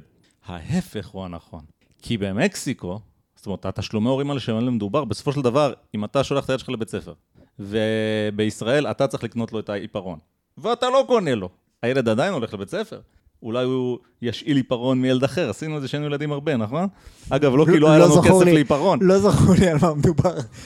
לא כאילו היה אין לי לי כסף... מושג על מה אתה מדבר כרגע. לא היה לי כסף לעיפרון, אבל כשהייתי ילד, הרבה פעמים אה, שאלתי עיפרון כי לא הבאתי עיפרון, כי הייתי ילד מפוזר. עכשיו, כשאתה מגביל את זה ואתה אומר, לא, לא, לא, לא, לא, ההורה לא יוציא שקל מכיסו, והבית ספר יממן הכל, אבל מי מממן? הרי מי. שמממן זה האזרחים. זאת אומרת, שיהיה מיסים כדי שהמדינה, מה זה, המדינה תממן את. אני מת על השמאלנים האלה. המדינה זה כאילו איזה אלוהים כזה, שהוא פשוט יעשה. הוא יממן את החינוך, והמדינה תממן, יש חינוך חינם לכולם, נהדר. זה התשלומי ההורים. וכשהחרדים הולכים לב- לבית ספר שלהם פה בישראל, אז זה גם ממומן על תשלומי ההורים, זה רק לא ההורים של הילדים שהולכים לבית ספר החרדי, זה אתה. לא, אה, יש להם... אולי יש להם מנגנונים יש להם אחרים. מנגנון פרטי, זאת אומרת, יש להם אה, אה, אינו מוכר ואינו רשמי, והם עושים מה שהם רוצים. אני לא רוצה להשמיץ את החרדים סתם, אני לא כן, כזה מבין. בזה. בוא נדבר על בית ספר רגיל. מי שיממן אותו זה אתה, ההורה. נכון. נכון, בין אם, אגב, אני לא הורה, ואני גם מממן אותו. אז ההפך הוא הנכון, כשהחינוך יהיה ממומן על ידי המדינה באופן מלא, זה אומר שכל ההורים, כל ההורים, כל ההורים שמשלמים מיסים הם אלה שמממנים. ויש כאלה שלא יודע, ידם אינה משגת, והם משלמים פחות מיסים, והם ממומנים על ידי אלה שיותר. שזה בסדר, אני לא נגד זה, אמרתי, שוויון הזדמנויות בחינוך, דווקא אני חושב שזה טוב.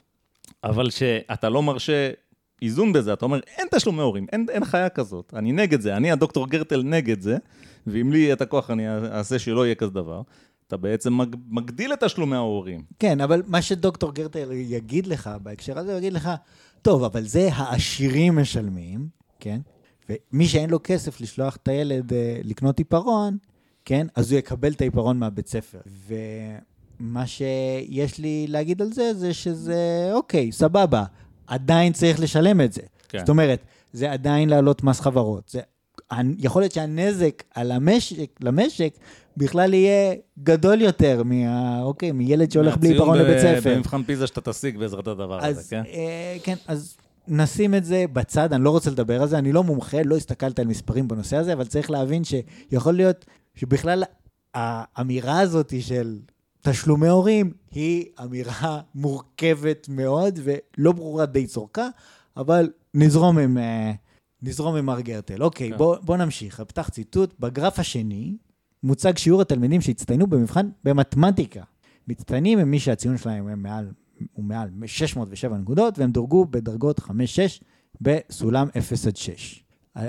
קו הנקודות החום מציג את אחוז התלמידים המצטיינים בכל מדינה, והקו הצהוב היש, הישר מציג את המגמה הליניארית. אז פה כבר אנחנו מתקרבים יותר ללדבר על אה, איים של מצוינות, כי אנחנו באמת מסתכלים על תלמידים המצטיינים במתמטיקה. למה הוא לא עשה את זה בקריאה אני לא יודע, אבל במתמטיקה הוא עשה את זה. אוקיי. אני יכול אולי לנחש שזה לא יסתדר לו עם הגרף, אבל... גם אוקיי. פה זה לא יסתדר לו עם הגרף. כן, גם פה זה לא יסתדר. כי הגרף הזה הוא כמו הקודם. נכון, הגרף הזה הוא בדיוק כמו הקודם. לא רואים את הקשר, פשוט אה. הקו הישר הזה הוא מצחיק, זה משהו שכשאתה עושה את זה ב... אפילו בתיכון, שלא לדבר על שנה א' באוניברסיטה, אתה מראה קו כזה ואתה אומר, הנה, עשיתי רגרסיה לינארית. ואז מי שזה לא יהיה המורה שלך, אם אתה באוניברסיטה טובה, אומר, לא היית צריך לעשות, כי אני רואה בעין שהדבר הזה לא מתאים לקו ישר בשום אופן. נכון, נכון. זאת אומרת, בלי טורקיה, צ'יליה ומקסיקו, אני לא בטוח שאפילו הרגרסיה הייתה נותנת לו פה קו שיורד, כן? זה אה, כן. אולי טיפה, אבל באמת בשיעור. שליש, שני השלישים. אוקיי, אז אה, אה, שוב, מגוחך לחלוטין הגרף הזה, בוא נתקדם. כן.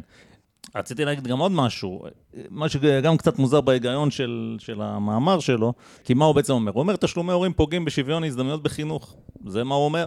מצד שני, הוא אומר, הוא כאילו מנסה להראות לנו שזה לא עוזר, התשלומי הורים, נכון? אתה צודק. הוא מראה, הוא אומר, הנה, תראו, ההורים משלמים במקסיקו וזה, וההישגים על הפנים, ואז אני שואל את עצמי, מה אכפת לו? זאת אומרת, זה לא, כאילו, הוא עושות... מה שהוא בעצם מראה, מה שהוא מוכיח, כאילו, אנחנו טוענים שהוא לא מצליח להוכיח את זה, אבל בוא, בוא נקבל את זה כאילו, כאילו שהוא צודק. אז הוא הראה באותות ובמופתים, כמו שאמרת, שתשלומי ההורים לא עוזרים לתוצאות של הילדים, ולכן הם לא יוצרים פערים. האמת שזה הם לא לא נכון. יוצרים פערים, כי הם לא נכון. עוזרים. לא, הוא אומר שקורית פה תופעה אחרת. ככל שיש תשלומים, תשלומי הורים יותר גבוהים, בוא נניח שאנחנו מדברים פה באמת לא על לקנות ספר, אלא על אה, בתי ספר פרטיים נגיד, כמו כן. ניסוי וכמו הריאלי, אז ככל שיש יותר כאלה, אז האחרים יותר על אז הפנים. כולם נפגעים, כן? זאת אומרת, באורח פלא, כן, אם תלמידי הריאלי, במקום לשלם 4,000 שקל בחודש, ישלמו 100,000 שקל בחודש, אז בכלל תהיה קטסטרופה וכל המערכת החינוך בארץ תקרוס. כן. כי ההורים של תלמידי הריאלי שילמו יותר כסף. שזה מה שנקרא, איך הזנב מקשקש בכלב. זאת אומרת, איך ה... לא יודע, אלף תלמידים שיש בתיכון הריאלי, אני לא יודע כמה תלמידים יש שם, אבל מה יכול להיות? אין שם עשרת אלפים תלמידים. שם אלף, לא, זה- אלפיים, זה מאה, לא מגיל יודע. 5 עד גיל אה, 18. מה יכול להיות? בית אבל ספר לא גדול. בישראל זה אלפיים תלמידים. בית ספר גדול, לא תיכון יודע, לא גדול. יודע כמה יש. נגיד יש 5,000. אז איכשהו, מה שחמשת אלפים התלמידים האלו, תלמידי תיכון, אני לא מדבר איתך על מנהיגי מדיניות במדינה, מה שקורה עם אלף תלמידי תיכון האלה, לפי כאילו הקשר שהוא לכאורה קושר פה, משפיע על כל המדינה, זו טענה שברור שהיא היא לא יכולה להיות. לא, כן. לפני כמה שההורים שלהם משלמים. כן, כן, אבל זה כאילו מה שקורה איתם, זה מה שהתכוונתי. זאת כן. אומרת, יש לך אלף הורים לצורך העניין שמשלמים הרבה כסף. בהנחה שבאמת ככה נמדדים תשלומי ההורים, יכול להיות שזה קשקוש וקושקש, כן? אבל, אבל אנחנו, זה מה שאנחנו מבינים וזה מה שהוא משדר לנו, כי זה, זה, על זה אנחנו מדברים פה, על כל המוכר שאינו רשמי, לפי איך ש... זה העתירה לבג"ץ. בקיצור, יש פה מדבר. כל מיני דרכים אה, לעקוב אחרי ההיגיון של גרטל, וכולם מובילות לאבסורדים. זה, זה המחנה המשותף לכל הפרשנויות, כן. אז האפשרויות. בוא נמשיך ל- לעקוב אחרי ההיגיון שלו. כן. אוקיי. ההיגיון שלו פתלתל, אני חושב, כמו הגרף הזה, שמתנדנד לו לכל לעבר. יפה, אז בואו נפתח ציטוט. גם כאן, אין הוכחה לקשר שעליו הסתמכו השופטים. כביכול. תשלומי הורים מגדילים את איי המצוינות. אם בכלל, אז קו המגמה מראה את הקשר ההפוך. ככל שהמדינה מסתמכת יותר על תשלומי הורים, כך אחוז התלמידים המצטיינים קטן. כמובן שהדבר הבולט יותר במדינות הקצה, טורקיה, צ'ילה ומקסיקו. הוא שוב חוזר על זה. מטילות על ההורים. דיברנו על זה. לעומת זאת, בולטות המדינות בלגיה, קנדה והולנד, שבהסתמכות על שיעור תשלומי הורים נמוך יחסית, זוכים לקרוב ל-16% מתלמידים מצטיינים במתמטיקה מכל תלמידי השנתון, פי שניים מאחוז המצטיינים בישראל. ואני, שוב, אני לא יודע בדיוק מה קורה בקנדה ולמה הם מקבלים, למה יש יותר מצטיינים במבחני הפיזה, אה, מבחינת אחוזים. כן. לא יודע, אני יכול להגיד לך שבוודאות זה חד משמעית, הרמה בתיכון יותר נמוכה. אה, וגם אנחנו רואים את זה במדד בלומברג, זאת אומרת, אם אתה רואה, יש פי שניים, אה, יש, גם קנדה זה מדינה של 35 מיליון איש, ושלנו 9 מיליון, וגם האחוז גבוה, פי- גדול פי שניים, ולעומת זאת, מה שאתה רואה, במדד החדשנות, במדד אנחנו בלומברג, עוקפים אותם די בהרבה. אנחנו עוקפים אותם, אז כאילו, מה הקשר פה? ודבר שני, אמ, אגב, יגיד מי שיגיד... יכול להיות שמלמדים בקנדה, ספציפית, למבחנים האלה. כן. כן. עכשיו, זה לא מופרך, אני יכול להגיד לך, כי לנו, המורה של הילד, שהיה בכיתה א', היא כל הזמן הזכירה את המבחנים של כיתה ג'. כן. אני לא יודע, כי הילד שלי לא הגיע לכיתה ג', אבל אני יכול לנחש. אני לא יודע, אולי גם בישראל מדברים על זה, אני לא יודע, אבל... הוא לא יגיע לכיתה ג' בקנדה, כן? ברוך השם, יגיע ל- יגיע לכיתה ג' ובשעה טובה ומוצלחת, אבל כן. לא לא שם. אז, אז, אה, אז, אז, שוב, אני לא מכיר, לא חקרתי לעומק, אבל לא, מה שאתה אומר, קנדה מה- מה יכול לא להיות? הרי. אתה זוכר שאנחנו היינו תלמידים בתיכון. אני אזכיר לך סיפור קטן, שהגיע אותו מורה, אני לא רוצה להגיד שמות, אתה תכף תזהה על מי אני מדבר, כן. ואמר, היום תתנהגו יפה, כי היום המפקחת באה. ואנחנו מכירים את המנטליות הזאת בכל אתר ואתר, בצבא, אה, תהיה ביקורת, אז פתאום אנחנו נתנהג אחרת כדי לעבור את הביקורת. וזה לא מופרך שגם ב... אה, יהיה מבחן פיזה ב- בנובמבר, אז אנחנו ככה כן, לא, נעשה מאמצים איזה- כדי ל... ל- אוקיי, לא בטוח שתל... אוקיי, אני יכול רק לנחש שבישראל, יכול להיות, זה ניחוש פרוע ויכול להיות שאני ממש טועה. בישראל, התקציב של הבית ספר איננו תלוי בתוצאות של מבחני פיזה, כן. והתקציב של בית ספר בקנדה כן תלוי. אני יכול רק לנחש. אולי זה לא נכון, אבל אם כן, זה בהחלט תמריץ אה, למקד את הילדים למבחני פיזה. לא, זה יכול להיות גם תמריץ אחר לגמרי, למשל, ההישגים האישיים שלך כמנהל בית ספר, שאחר כך יקדמו אותך להיות איזה נכון. סגן שר במשרד, לא יודע, כאילו יש אלף תמריצים שיכולים להניע, אנחנו לא יודעים, יכול להיות, אנחנו לא יודעים, אנחנו לא אבל. מאחר שיש רק מדד אחד, שזה הציון הזה בפיזה, אז אפשר לעשות אביוס למדד הזה. כן, ברור, כן. ברור. אז אני, שוב, אני לא יודע, אבל העובדה היא שבישראל רמה יותר גבוהה, במתמטיקה זה חד משמעית. והציונים פחות טובים, אז זה אומר, אומר משהו אולי על הציון הזה, שאולי הוא לא הכי... כן, זה... לא המדד הכי טוב. חד משמעית, גם אנחנו רואים את זה עם הבלומברג, אין מה, אין מה להרחיב על העניין הזה של הגרף במתמטיקה. בואו נמשיך. כן. פתח ציטוט. עוד מזכירים השופטים בפסק הדין שההורים הם אלה שדרשו להגדיל את תשלומי ההורים לבית הספר. מכאן הסיקו שתקנות משרד החינוך המגדילות את תשלומי ההורים נועדו להסדיר את התחום ולעצור את הסחף של, לכיוון של עוד ועוד תשלומי הורים ולא להפך. בלשון פסק הדין, חוזרי משרד החינוך נשוא העתירות שבפנינו אינם המקור לתופעה של תשלומי ההורים, אלא תגובה ומענה לתופעה זו. בנקודה זאת, לדעתי, ראוי היה לברר מה תפקידו של משרד החינוך. האם עליו לשקול שיקולים פדגוגיים ולתרגם אותם למדיניות, ולהובילה באומץ מול, ההורים, מול הורים מתבדלים, מתבדלים, או שתפקידו להיגרר אחרי ההורים החזקים ולנסות להמציא הסדרים בדיעבד. טוב, אז אני הייתי אומר, סגור ציטוט, כן? אני הייתי אומר שאני הייתי מאוד שמח אם uh, הרבה הרבה לפני שאי פעם הייתה מוגשת העתירה הזאת, מישהו היה טורח לברר מה תפקידו של משרד החינוך. אני חושב שזו שאלה מאוד מאוד חשובה, כי יש המון כסף הולך למשרד החינוך, וזה נחשב כן, דבר... בוא נגיד, תקציב הביטחון זה 50 מיליארד שקל בשנה, תקציב משרד החינוך זה 47 מיליארד שקל בשנה, משהו כזה, זה פשוט הסעיף השני בגודלו. כן, יפה. עכשיו, מה אומר? האם הוא צריך להיגרר, להגיב להורים, או שהוא צריך להוביל? זה בעצם, ה, כאילו, הדיכוטומיה הזאת שהוא יוצר פה. נכון. אז אם... בוא, בוא תגיד אתה, מה דעתך? אז אני אגיד מה דעתי. קודם כל, איך שאומרים, כן, הנה קפץ לו הגרטל, כן? קפץ לו הגרטל. כן. זאת אומרת, מה גרטל אומר פה? הוא אומר, תקשיבו, יש משרד החינוך, ומשרד החינוך יודע הכל. הוא יודע מה צריך לעשות. יש לו שיקולים פדגוגיים. יש לו שיקולים. לא כמוך, שאתה יש לך סתם שיקולים. נכון, יש לו. הוא יודע בדיוק מה צריך לעשות. כיוון, ש... כיוון שכך, משרד החינוך צריך לבוא ולהסתכל להורים ולהגיד להם, חבר'ה, אנחנו יודעים מה לעשות. אתם אפסים, ואתם תקשיבו לי. ומה שאני אומר זה מה שיקרה, ולהורים אין מקום להתערב בחינוך ילדיהם. תשמע, לפי התוצאות שאני אומר מסביב, אני חייב להגיד לך, שהאנשים הכי גרועים לחנך ילדים זה ההורים שלהם. תראה, תסתכל מסביב ותראה. בדיוק. אז עכשיו... הרי אם היה חינוך כמו שצריך במדינה הזאת, אז אני, הדוקטור גרטל, לא הייתי צריך לכתוב מאמרים כאלה. רק בגלל שמשרד החינוך לא, לא עושה תפקידו נאמנה, ונגרר אחרי ההורים החזקים, אז אני גורר חזרה, כי אני הגרטל, אני, אני החכם, אני הגדול. אז עכשיו, מה בעצם הוא אומר? הוא אומר, אוקיי, ההורים שמשלמים את המיסים, כן? הם משלמים את המיסים, אבל אסור, אין להם מילה באיך יחונכו הילדים. מה זאת אומרת? מחר יבוא, אה, יהיה שר החינוך ליצמן, הוא לא יהיה שר, סליחה, הוא יהיה סגן שר החינוך. לא, הוא יהיה אלוהי החינוך. שר, אז הוא יהיה סגן שר החינוך, כן? והוא יגיד, אוקיי, אני לא מעניין אותי. אני כל יום נפתח בדף יומי. כולה דף יומי. לא יכול להיות שילד יהודי לא ידע מה זה דף יומי. עכשיו, כן.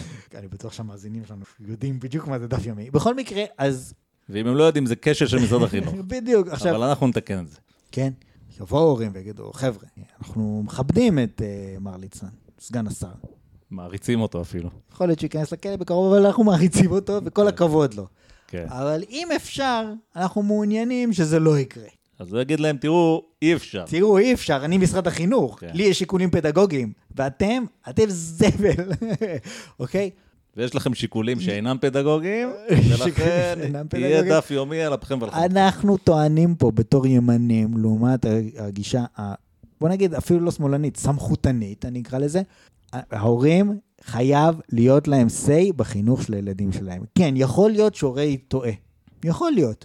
לא הייתי מצפה שהורה כל יום יבוא ויתכנס ויגיד למורה, אוי, אתה צריך א', אתה צריך ב', אתה צריך ג', ויטריד אותו ויציק לו אה, אה, על כל זל ושל, אלא באמת שייתן לו ללמד, וזה בסדר.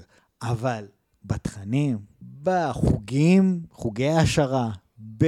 אה, לא יודע מה, כל מיני דברים כאלה שקשורים לרוח הכללית של החינוך בבית הספר, כמו שאני שולח את הילד לבית ספר, אה, בוא נגיד, ממלכתי ולא ממלכתי, ממלכתי דתי, כן? מי שחשוב לו העניין הדתי, ישלח את הילד לבית ספר אחר. כן. ואם הוא ירגיש, לא יודע מה, חוטאים למטרה והגישה היא ליברלית מדי נגיד, אז הוא יבוא והוא יגיד את זה להורים של לבית ספר, או שאפילו יעביר את הילד שלו בית ספר. אה, במידה ויהיו סמכותנים מדי, מה שיקרה זה שיקחו את. ההורים פשוט יוציאו את הילדים שלהם בכלל מהמערכת הציבורית, ואו יקימו בית ספר פרטי לחלוטין, או יעברו מדינה בכלל. זאת אומרת, אין דבר כזה לא להקשיב ללקוחות של המערכת. אין דבר כזה לא, לא להקשיב זה הרבה יותר גרוע ממה למי שאתה אומר. שמממן את המערכת, לבעלים של. המערכת. הרבה יותר גרוע ממה שאתה אומר. יש דבר כזה לא להקשיב להם. יש דבר כזה. ומה שאדון גרטל, אני חושב, לא, לא מבין עד הסוף, או אתה יודע, הוא קצת, הוא קצת, כאילו, הוא קצת באיזה מקום, אתה יודע, אולי זה גם איזה מאפיין של אה, אה, סמכותנות, אולי בכללי, אולי של שמאלנות. יש שם משהו מה... קצת, לי זה לא יקרה. אתה מכיר את המנטליות הזאת? אה, לי זה לא יקרה. אמנם קורים כל מיני דברים רעים לאנשים, אבל לי זה לא יקרה. לא, לא, לא, לא, זה לא המנטליות, אתה טועה.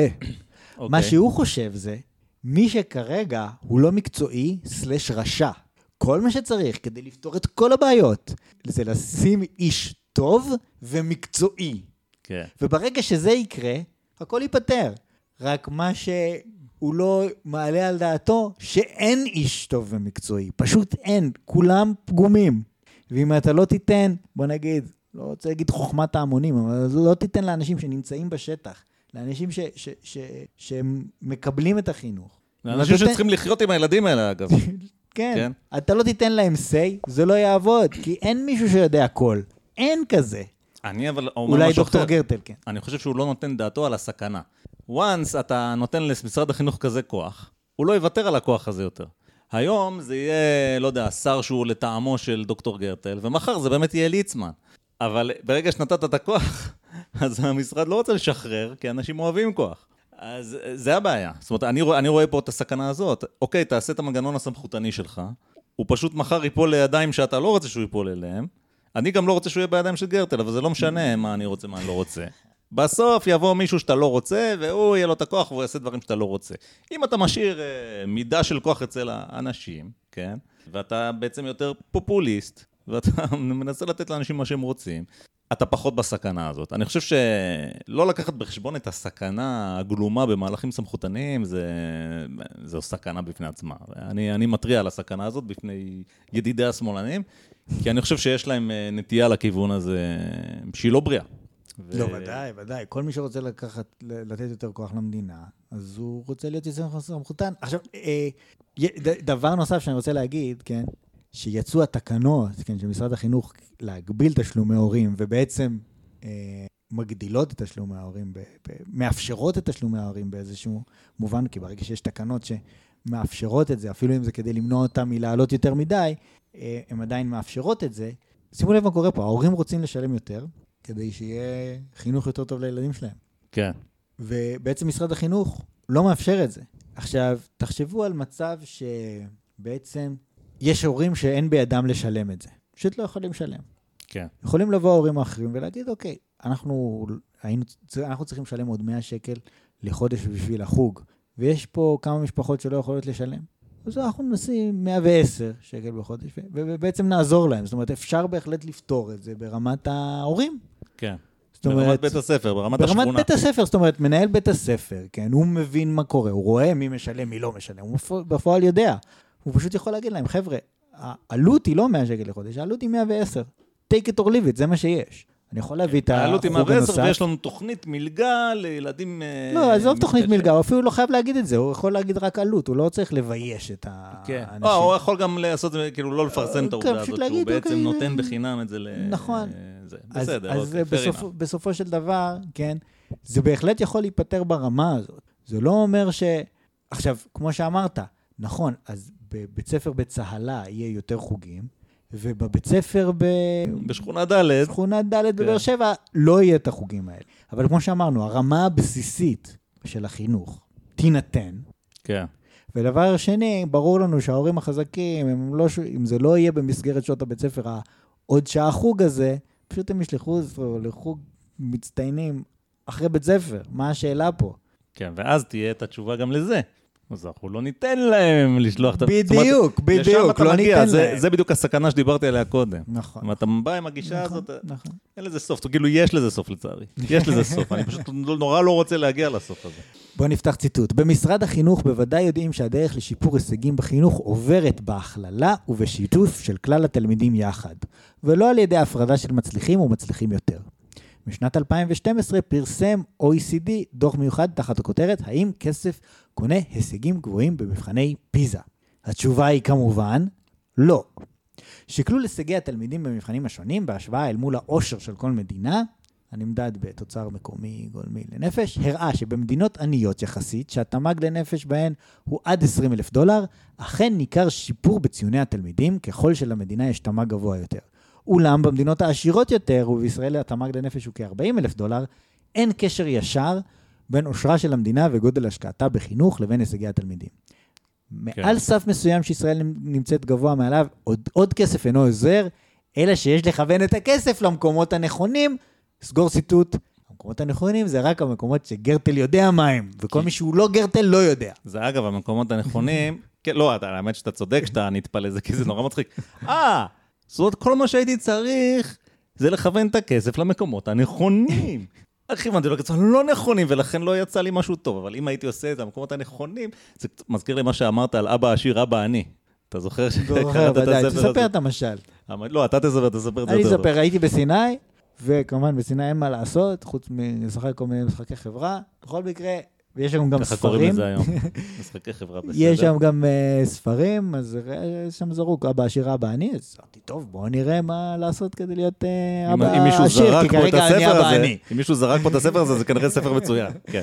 בכל מקרה, אז הסתכלתי, ואז הוא כותב, בספרים הקודמים, זה לא היה הספר הראשון, הוא כותב, בספרים הקודמים, אמרתי... עשיתי לכם אחלה קופה. בספר הזה אני עושה לכם גם עוד יותר קופה, עוד יותר אתה מוכן להקשיב ולא קשקש? לי. אז אני לוקח את... אמרתי לכם, קחו כסף, תלוו כסף מהבנק, תשקיעו אותו ותקבלו יותר מהריבית, ואז תחזירו את הכסף, כאילו, עם הריבית, אבל עדיין יהיה לכם רווח. נכון? וככה ככה אתם בעצם תרוויחו הרבה כסף, בלי להשקיע את הכסף שלכם. אז כתב לו מישהו, תשמע, עשיתי את זה ואיבדתי את כל הכסף, מה, מה אתה אומר על זה? ואז הוא אומר, תראו, העניין הוא לא סתם להשקיע, צריך להשקיע בחוכמה. כן, זה, האמת, אני אגיד לך שהבן אדם שהפסיד את כל הכסף וכתב לו, הוא דווקא צודק, כי... כי קודם הוא לא אמר שצריך להשקיע בחוכמה, אז איך הוא ידע מה לעשות, אתה מבין? אם רק היה אומר לו, היה משקיע בחוכמה. אתה צודק, אתה צודק. זה ההבדל בין אבא של אבא. אני בכל מקרה, רציתי להגיד לגרטל, קודם כל, אם ככל שהתמ"ג גבוה יותר, אז הישגי התלמידים גבוהים יותר, אז התשובה להאם יותר כסף נותן יותר, אה, תוצאות יותר טובות במבחני פיזה, היא כמובן כן, ולא כמובן לא. גם אם זה נכון רק עד גבול מסוים של תמ"ג, זה לא משנה. כן, אגב, מה כן? שהאדון גרטל... התשובה היא כמובן כן. מה שהדוקטור גרטל מספר לנו פה, זה דבר שהוא למעשה ידוע היטב וטריוויאלי לגמרי, אם קצת חושבים עליו, זה מה שנקרא אה, תועלת שולית שפוחתת. חוק התועלת השולית הפוחתת, אני חושב ככה קוראים לזה. הרי בוא, בוא נגיד כזה דבר, כן? כאילו, מה בעצם גרטל אומר? הוא אומר, אתה תוציא 20 אלף דולר, תגיע להישגים. תוציא 25, תגיע יותר טוב. תוציא 30, עוד יותר טוב. תוציא 40, עוד יותר טוב. תוציא 50, כן, קצת יותר טוב. כבר לא, זאת אומרת, אתה כבר לא מקבל כל כך הרבה תמורת העוד 10,000 שקל האלה. עכשיו- עכשיו... תמ"ג, אבל לא משנה, כן, ברור. כן, תמ"ג לנפש. לא משנה. עכשיו, מה ש... בואו ניתן פה משל שיבהיר את הנקודה. בואו נניח שהמטרה שלי הייתה לא להגיע לציונים טובים במתמטיקה, אלא שהאזרחים שלי, אני רוצה שהם יהיו גבוהים. אני רוצה שיהיו גבוהים, אז מה אני עושה? משקיע בזה. יש, אתה יודע, אני משקיע מכספי משלם המיסים באיזה מכון מחקר, מוצא את התזונה הכי טובה בשביל אה, גובה, מוצא כמה שעות שינה צריך, מוצא את כל הנתונים האלה. ואני משקיע. עכשיו המדינה תוציא על זה מיליון דולר, תגיע לאיזה הישגים כנראה, כן? תוציא שני מיליון, תגיע להישגים יותר טובים. אז מה אתה רוצה? שאם היא תוציא מיליארד דולר אז אנשים יהיו בגובה של 400 מטר? זאת אומרת, זה לא יקרה, יש גבול למה שאפשר להשיג בעולם. גם אתה יכול לשפוך כמה כסף שאתה רוצה, בסוף אתה מגיע לאיזה אסימפטוטה. לא אצל גרטל. לא אצל גרטל, אצל כן. גרטל, בגלל זה הוא כזה אפשר חכם. הכל. כי הוא בדיוק הבן אדם הזה שתמיד השקיע בכיוון הנכון, לכן הוא תמיד יצא לו טוב. אז הוא רק אה, הולך מכוח, מחיל אל חיל, כמו שאומרים. בכל מקרה, גם, אה, כן, לא, זאת אומרת, פה הוא מדבר על גודל התמ"ג, אבל כמובן שנשאלת השאלה מה גודל ההשקעה בחינוך. אם אתה מדבר על מדינה עשירה, כן, כמו קטר, אני לא יודע כמה משקיעים שם בחינוך, לעומת כן. התמ"ג. אבל תמ"ג יש להם על הכיפאק. אז כן לנפש, לא לנפש. אז כאילו, כשאתה, כאילו, אז על מה, על מה אנחנו מדברים פה, אני לא יודע, אבל בסדר, ו... שוב, זה picking and choosing, כן. קודם דיבר על כאחוז מההוצאה בחינוך, עכשיו הוא מדבר על התמ"ג לנפש, הוא פשוט בוחר איזה מדד שבא לו, כדי לטעון טענה. אני, אני כן רוצה לחזור לטענה האחרונה הזאת של, ה, אתה יודע, שכאילו יש גבול לתועלת של הכסף, כי מציק לי, כי, כי כמו שהסברתי, זו טענה טריוויאלית. טריוויאלית, נכון, יש גבול לתועלת של הכסף. אתה יכול להיות בן אדם מאוד עשיר, ואתה תמות מאיזה מחלה, כי פשוט לא יודעים לרפא אותה, לא משנה כמה כסף אתה תיתן ל, לרופאים, כן? לא יודעים לרפא את זה, ואתה הולך למות מהמחלה הזאת. ככה זה, יש גבול לתועלת של הכסף, וזה טריוויאלי לחלוטין. ובן אדם שאומר ש... משהו טריוויאלי לחלוטין ומשתמש בזה כאילו זה טענה שיש לה איזה ממש, אז, אה, אז ד... הוא דוקטור, דרך אגב, ככה מסתבר. אני מציע שדוקטור גרטל יבקש גרנט לעשות ניסוי כזה על עצמו, זאת אומרת... הייתי נותן לו, האמת. בוא נראה כמה כסף אתה מסוגל לגייס בשביל שאתה תלך ללמוד פיזיקה, ונראה לאיזה הישגים תגיע. כאילו, אני, אני באמת, you להוציא 10 מיליון דולר על לימודי הפיזיקה שלך, ולראות אם אתה מצליח לסיים תואר ראשון. זאת תהיה דחקה ששווה כל סנט, אם אתה שואל אותי. אוקיי, okay, אז בוא נגיד, נפתח ציטוט. מהם המקומות הנכונים לצורך שיפור ציוני? אה, הוא דווקא עונה על זה, זה דווקא יפה מצידו. כי ירדנו עליו שהוא אומר הנכונים, והנה הוא אומר לך, מה הנכונים? אתה רואה? לא היינו הוגנים כלפיו. לא, זה לא משנה. בבקשה, תמשיך. לא, אבל ברור שהוא יגיד משהו, כן? כי הוא... אבל השאלה אם זה באמת נכון. לא משנה. מהם המקומות הנכונים לצורך שיפור ציוני התלמידים? ל-OECD, שתי תשובות. ראשית, שכר גבוה יותר למורים ולמורות. המדינות העשירות שבהן הישגים טובים יותר נוהגות להשקיע יותר במורים. בהכללה, מדינה שתלמידיה משיגים תוצאות טובות בפיזה, מושכות את הסטודנטים הטובים ביותר להוראה על ידי שכר גבוה וסטטוס מקצועי גבוה. עוד נמצא שבמדינות שבהן שכר המורים גבוה יותר, זה נעשה על חשבון מספר תלמידים גדול יותר בכיתות, ולא בהכרח על ידי תוספת תקציב. שכר המורה הוא משתנה חשוב יותר מהצפיפות בכיתות. יפה מאוד. האמת היא שפה גרטל הפתיע, כי סוף סוף הוא מדבר לעניין. האמת היא שהוא מצטט את ה-OECD, אז בדרך כלל הם די רציניים שם, אני קראתי כמה דוחות שלהם ובדרך כלל הם אה, מעניינים. אז הם אומרים, אוקיי, בדקנו, ראינו שצפיפות בכיתות לא משפיעה על הישגי התלמידים. כן. אבל כן, אנחנו חושבים, משערים בנפשנו, שמדינה שנותנת אה, משכורות יותר גבוהות, אה, מגיעה להישגים גבוהים יותר. אוקיי, עכשיו, מה קורה בישראל? למה שכר המורים לא עולה? או, נו, בוא נראה אותך. אוקיי. אני לא יודע. אני לא שר החינוך, אבל יותר חשוב מזה, אני לא רן ארז, יושב ראש ארגון המורים, הסתדרות המורים, whatever, כן? שהוא בעצם יושב ראש המורים לצורך העניין. קובע מה קורה פה במדינה. אני לא כל כך יודע מה, איך מוחו הקודח מחשב את השכר, אבל בעיקרון, מה שקורה זה שהשכר המורים בישראל הוא מבוסס על seniority, כן? מה שקוראים ותק. כן. זאת אומרת, מגיע אה, מורץ חדש למערכת החינוך, הוא יש לו איזשהו שכר יחסית נמוך, אחרי 35 שנה הוא יקבל שכר, לא יודע מה, פי שתיים, פי שתיים וחצי יותר גבוה לחודש, אוקיי? זה פחות או יותר מה שאנחנו מדברים עליו. עכשיו, אה, כיוון שזה כך, מורים, אני לא יודע בדיוק מתי, אבל ברגע שהם מקבלים את הקביעות הזאת, כן, אי אפשר לפטר אותם.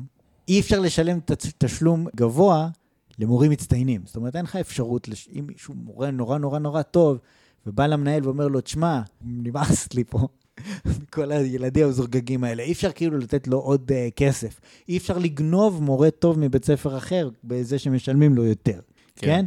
אז אי אפשר לשלם למורים מצטיינים.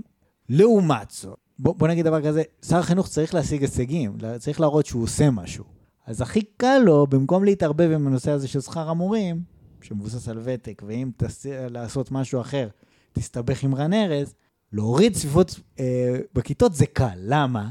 כי זה קל יותר על המורים, זה גם הופך את החיים שלהם, את העבודה שלהם ליותר קלה, וגם... ובעיקר הילדים לא מאורגנים. יש יותר מורים, כן? Yeah. כן. זאת אומרת, זה כאילו להגיד, זה, זה, זה נותן לרן ארז עוד, עוד כוח, יש לו יותר מיניונס. וגם, כשאנחנו אומרים, אוקיי, בואו נבטל uh, תשלומי הורים, זה בעצם להגיד, אני הולך להעביר כוח מהשוק הפרטי, מההורים, לאדון ארז. אבל יותר מזה, ההורים הרי לא- הם לא מאורגנים כמו שהמורים של רן ארז מאורגנים, הם פשוט לא. ולכן קל לעשות להם מה שרוצים. אז אם שר החינוך רוצה לעשות משהו, ויש לו שתי ברירות, או להילחם ברן ארז, או לא להילחם ברן ארז.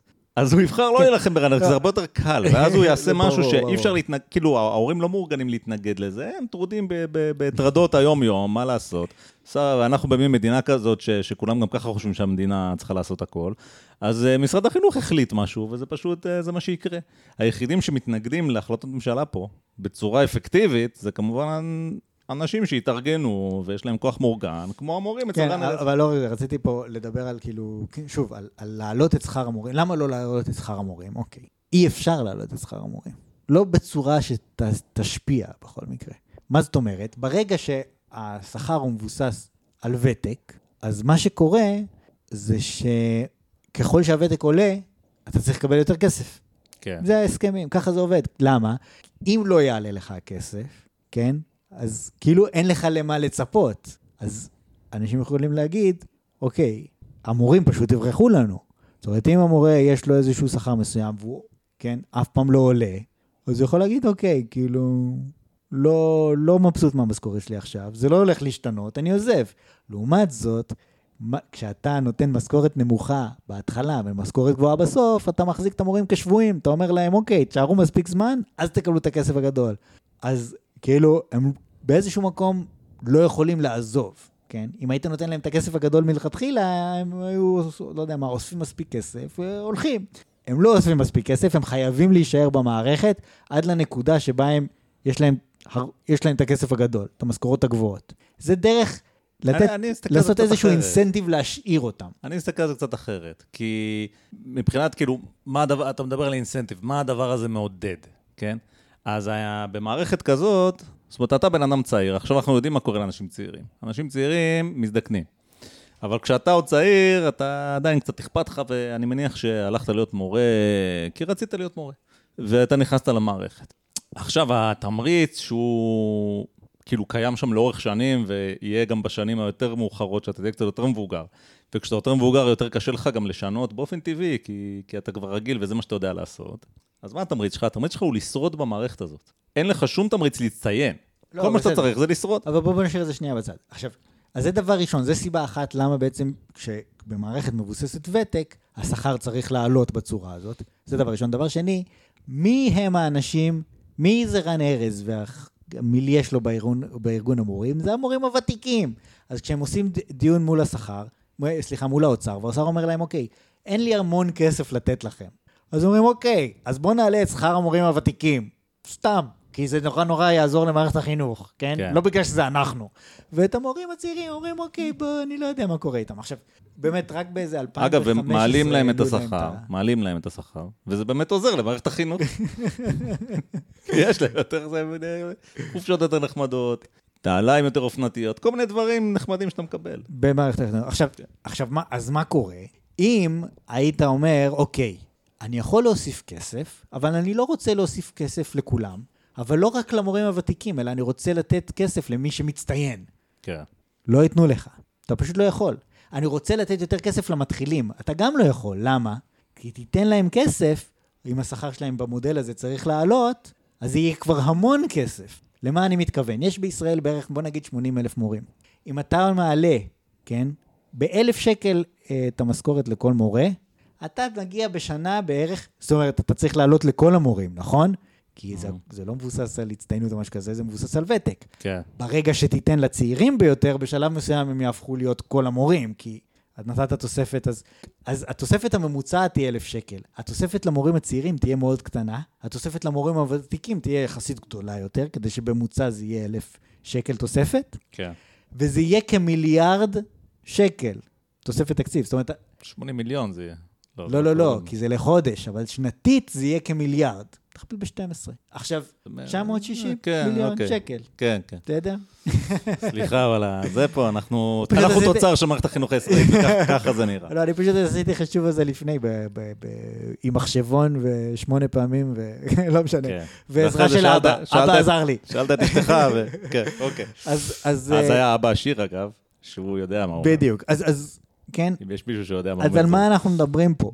התוספת זערורית של אלף שקל זה מיליארד. עכשיו, מה זה מיליארד? בוא נגיד, מה, אתה יודע מה תקציב משרד אה, התרבות והספורט? מיליארד שקל. מה התקציב של אה, הישיבות? תקציב הישיבות שכולם חרפנים ממנו, מיליארד, 1.2 מיליארד שקל. זה פחות או יותר סכומי הכסף שאנחנו מדברים עליהם. המדינה כבר עכשיו בגירעון, כן?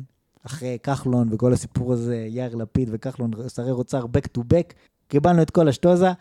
הגירעון כבר יצא מפרופורציה, והוא רוצה, בשביל תוספת זערורית אתה צריך מיליארד שקל. אין לך אפשרות, אלא אם כן באמת אה, אתה מטרגט את המצטיינים או משהו כזה, אין לך סיכוי לשפר את המערכת החינוך ברגע ש... בדחיפת עוד כסף פה. עכשיו, כן. בוא נגיד, אני רוצה להגיד פה קריאה אישית למאזינים, למאזין. שלום, אני לא שלום קורא לך. לשנות שלום פה, לך, מאזין. אני לא קורא לשנות פה את שיטת התשלום למורים. זה עסק סבוך, רק זה, זה אה, פודקאסט בפני עצמו. בוא נתקדם רגע, ואחרי זה נחזור לזה. אוקיי, פתח ציטוט. רגע, סליחה. אנחנו, אה, אני רוצה להסתכל על דברים שדוקטור גרטל כתב לפני חודשיים, במאמר אחר שלו. כן. בוא נראה מה הוא כותב. או, פתח ציטוט. בימים אלה מתכננים, מתכננים בבתי הספר את מערכת השעות לשנת הלימודים הבאה. זה הזמן שבו מנהלות בתי הספר מתפנות לחלום, להציע ולנסות. להבנתי, תפקיד בית הספר הוא לאפשר, לתמוך וללוות את התפתחות האדם. מה שמונע מבתי הספר לממש זאת כיום הוא הסידור הקשיח של תלמידים לפי כיתות, שחייבות לפעול יחד תמיד. ראו את המאמר די לכיתה. במקום זאת, אני מציע ארבע מסגרות שונות לקיבוץ התלמידים. אחד, קבוצות חינוך שבהם, שבהן כ-15 תלמידים כמסגרת חברתית שפותחת וסוגרת את יום הלימודים. שתיים, קבוצות לימוד במקצועות לינאריים, חשבון ושפה, הומוגניות בשלב ההקנייה והטרוגניות בשלב התרגול. ב- ב- של מה, אגב? בזמן של שלומדים בכיתה. התספורת של הילדים? מה? לא, לא מתכוון למין של הילדים? לא, לא, לא, לא? לא, שלוקחים את כל הילדים בכיתה של הבית ספר האזורי, שבמקרה נרשמו. נו. והם כולם לומדים ביחד, אבל ברגע שאתה עושה תרגול, אתה מחלק אותם להקבצות. מי שטוב, מי שלא טוב, לפי זה. הבנתי, אוקיי. אוקיי, שלוש. קבוצות בחירה במקצועות האחרים, בהם התלמידים בוחרים פרק לימוד בתוך מגוון פרקים שממילא קיימים בתוכניות לימודים.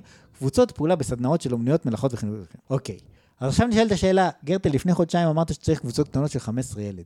עכשיו אתה אומר שצפיפות לא משנה? אחרי שקראת את המאמר של ה-OECD? אתה דוקטור לחינוך, כנראה שלא עשית שיעורי בית. עכשיו, לא רק זה. לא, כן? להגנתו אני אגיד שהוא דיבר על ה-15 תלמידים כמסגרת חברתית. אתה חושב שהוא מתכוון כאילו לאורך כל ארבעת הסעיפים שלו ל-15 תלמידים? אני לא בטוח בזה. לא ברור, יכול להיות שכן, יכול להיות שלא.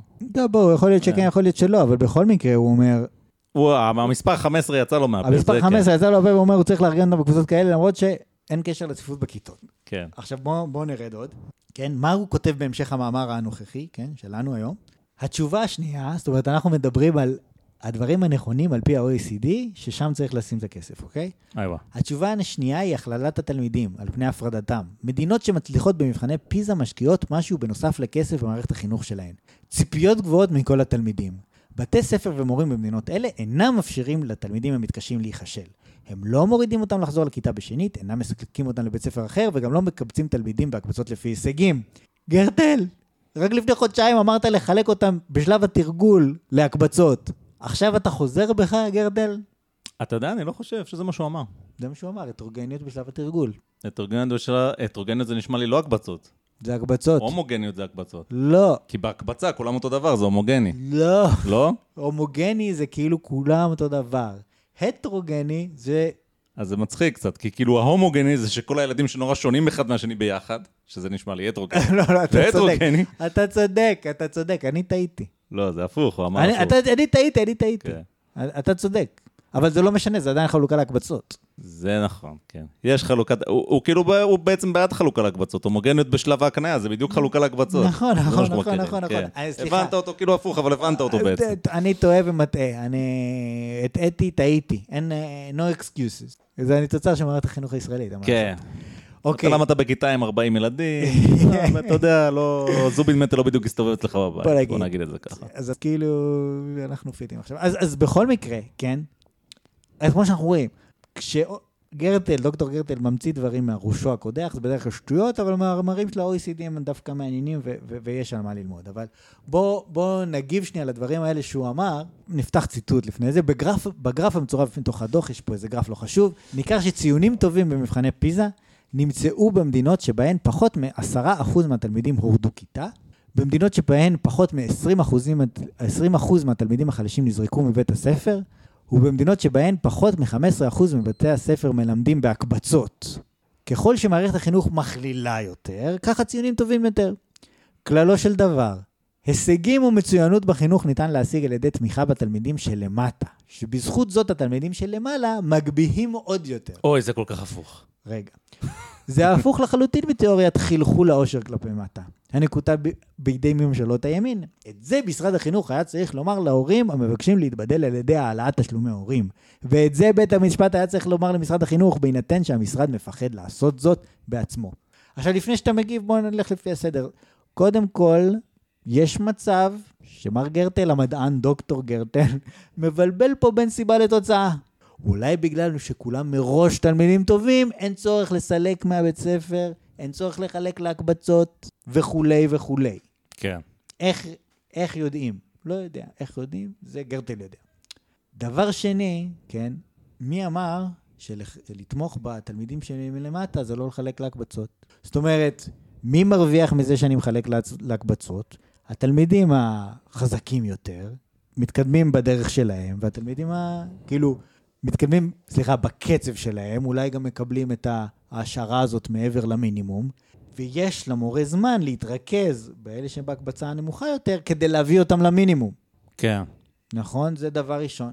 יכול להיות. אבל, בעצם, אנחנו פה, אין לי, אין לי, אני לא מתנגד לדוקטור גרטל. מה גרטל אומר פה? הוא אומר, מה זה לא לתת לילדים להיכשל? לא לתת לילדים להיכשל זה להגיד, חבר'ה, חלאס עם החרטות. אנחנו לא הולכים ללטף את הילדים פה. מהמם. לא מעניין אותי שבאת משכונה ד', כן, לא מעניין תשב, אותי. תלמד מולי. זה, אתה זוכר את המשפט הזה. אנחנו הולכים לדרוש מכל אחד, אתה תלמד כמו ברמת אביב. אם אתה לא יודע, אנחנו לא, נג... לא נעשה לחמש יחידות, ארבע יחידות ושלוש יחידות, כדי שבכל זאת יוציאו תעודת בגרות מי שיש לו שלוש יחידות. לא.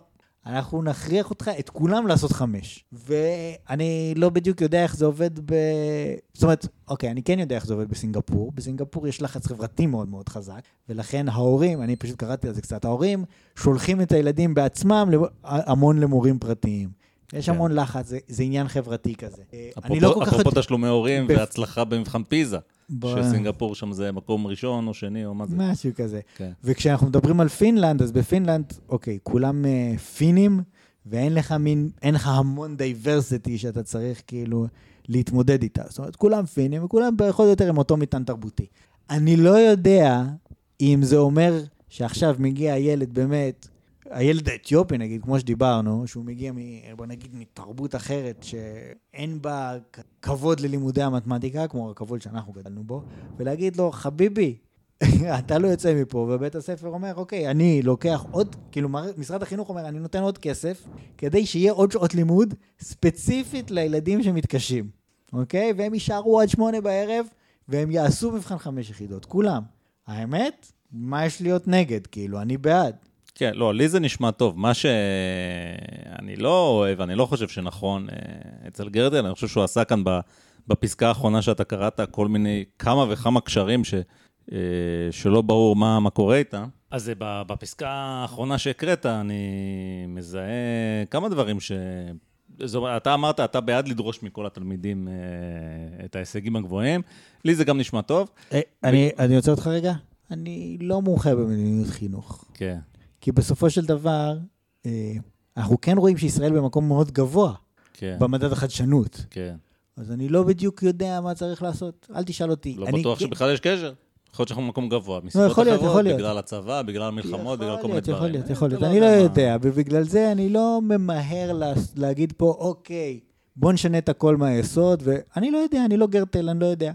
אני אענה לך על זה שלשנות הכל מהיסוד זה כנראה טעות, לא משנה מה הרעיון שלך. אבל אה, לגבי מה ש- מה שגרטל אמר, הוא עשה פה איזשהו להטוט רטורי ש- שקצת מרגיז אותי. אחד, הוא אמר שכן, אה, תמיכה בתלמידים שלמטה, הישגים, אני פתח ציטוט, הישגים ומצוינות בחינוך ניתן להשיג על ידי תמיכה בתלמידים שלמטה, שבזכות זאת התלמידים שלמעלה מגביהים עוד יותר. סגור ציטוט, ככה אמר. איך אתה יודע? זו חוחמה מקובלת. הוא שלף את זה מהכוזון. אני עוד זוכר את זה מה- מה- מהתקופה הקצרה שביליתי בצהלנו, אה, שזו חוכמה מקובלת שהחזקים מושכים את החלשים למעלה. שזה נשמע לי יותר סביר, זאת אומרת, זה שאני, כאילו, לכאורה אם תשימו אותי עם המון כאלה לא יוצלחים שלא שווים כלום, אני אגביה עוד יותר, כי אני, לא יודע, אעמוד על כתפיהם, אני לא כך מבין את ההיגיון שלו לא, פה. לא, לא, הוא אומר, אם אני אקח, זאת אומרת, אני אקח את הכי חלשים בכיתה, ואני אתן להם עוד שעות, זה יעזור לחזקים ביותר. איך זה יעזור להם? זה נשמע לי אני אגיד לך מה יעזור להם, לחלוטין. תעביר אותם להקבצה אחרת, תעביר אותם לבית ספר אחר. זה בכל מקרה הרי מה שקורה, ההורים החזקים, הם עם הילד שלהם לא מסתדר כי הוא חזק מדי, לא, אבל אני. מדבר על ההיגיון הפשוט. אם אתה חזק בריצה, כן? אתה נגיד עושה 100 מטר בעשר שניות. עכשיו, איך זה שאני אתן אימוני ריצה מיוחדים לילד שהוא גרוע בריצה, והוא עושה 100 מטר, הוא לא עושה אותם בכלל, כי הוא לא מסיים את המסלול, אבל אני מצליח לשפר את ההישגים שלו קצת, אוקיי? הוא מצליח לרוץ עכשיו את ה-90 מטר לפני שהוא מתמוטט באפיסת כוחות, וקודם הצליח 80. תסביר לי איך זה מקדם אותך, אתה מצליח, את ה- כאילו... אני אותי אומנם זה עשיתי פה מקדם, איזושהי אני- אנלוגיה, אני אבל- המאמן, אני מרוויח את הכסף. אוקיי, בואו בוא נדבר על זה עוד דבר דבר. אחד. והדבר השני שעוד יותר מרגיז אותי, זה ההמשך של הפסקה הזאת, כן? פתח ציטוט, וזה הפוך לחלוטין מתיאוריית חלחול העושר כלפי מטה, הנקודה בידי מי שלא תאמין, סגור ציטוט. מה הקשר בכלל? זאת אומרת, יש, אה, אתה יודע, את העניין של אה, כל מיני תיאוריות כלכליות, על איך אנחנו נצליח בתור מדינה יותר. זה סוגיה הרבה הרבה יותר גדולה. יש קשר בין הדברים, כן? אבל זו סוגיה הרבה יותר גדולה מאיזה משכורת ניתן למורים ו... ואם ניתן להורים לשלם או לא. זאת אומרת, זה איזשהו subset די קטן של הבעיה הכלכלית הכללית.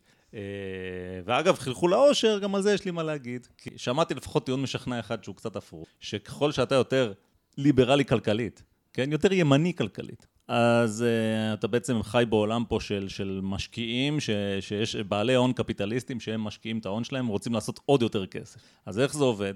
אם אני, יש לי המון כסף, אני, אתה יודע, יש לי איזה קרן הון סיכון, בא אליי איזה סטארט-אפיסט uh, מזה רעב, מתחנן שאני אתן לו משהו, ואני משתכנע שיש לו רעיון טוב, ואני לוקח צ'אנס, נותן לו, לא יודע מה, 10 מיליון דולר. מה קורה ל-10 מיליון דולר האלה? הוא לוקח אותם, פותח חברה ומתחיל לעבוד.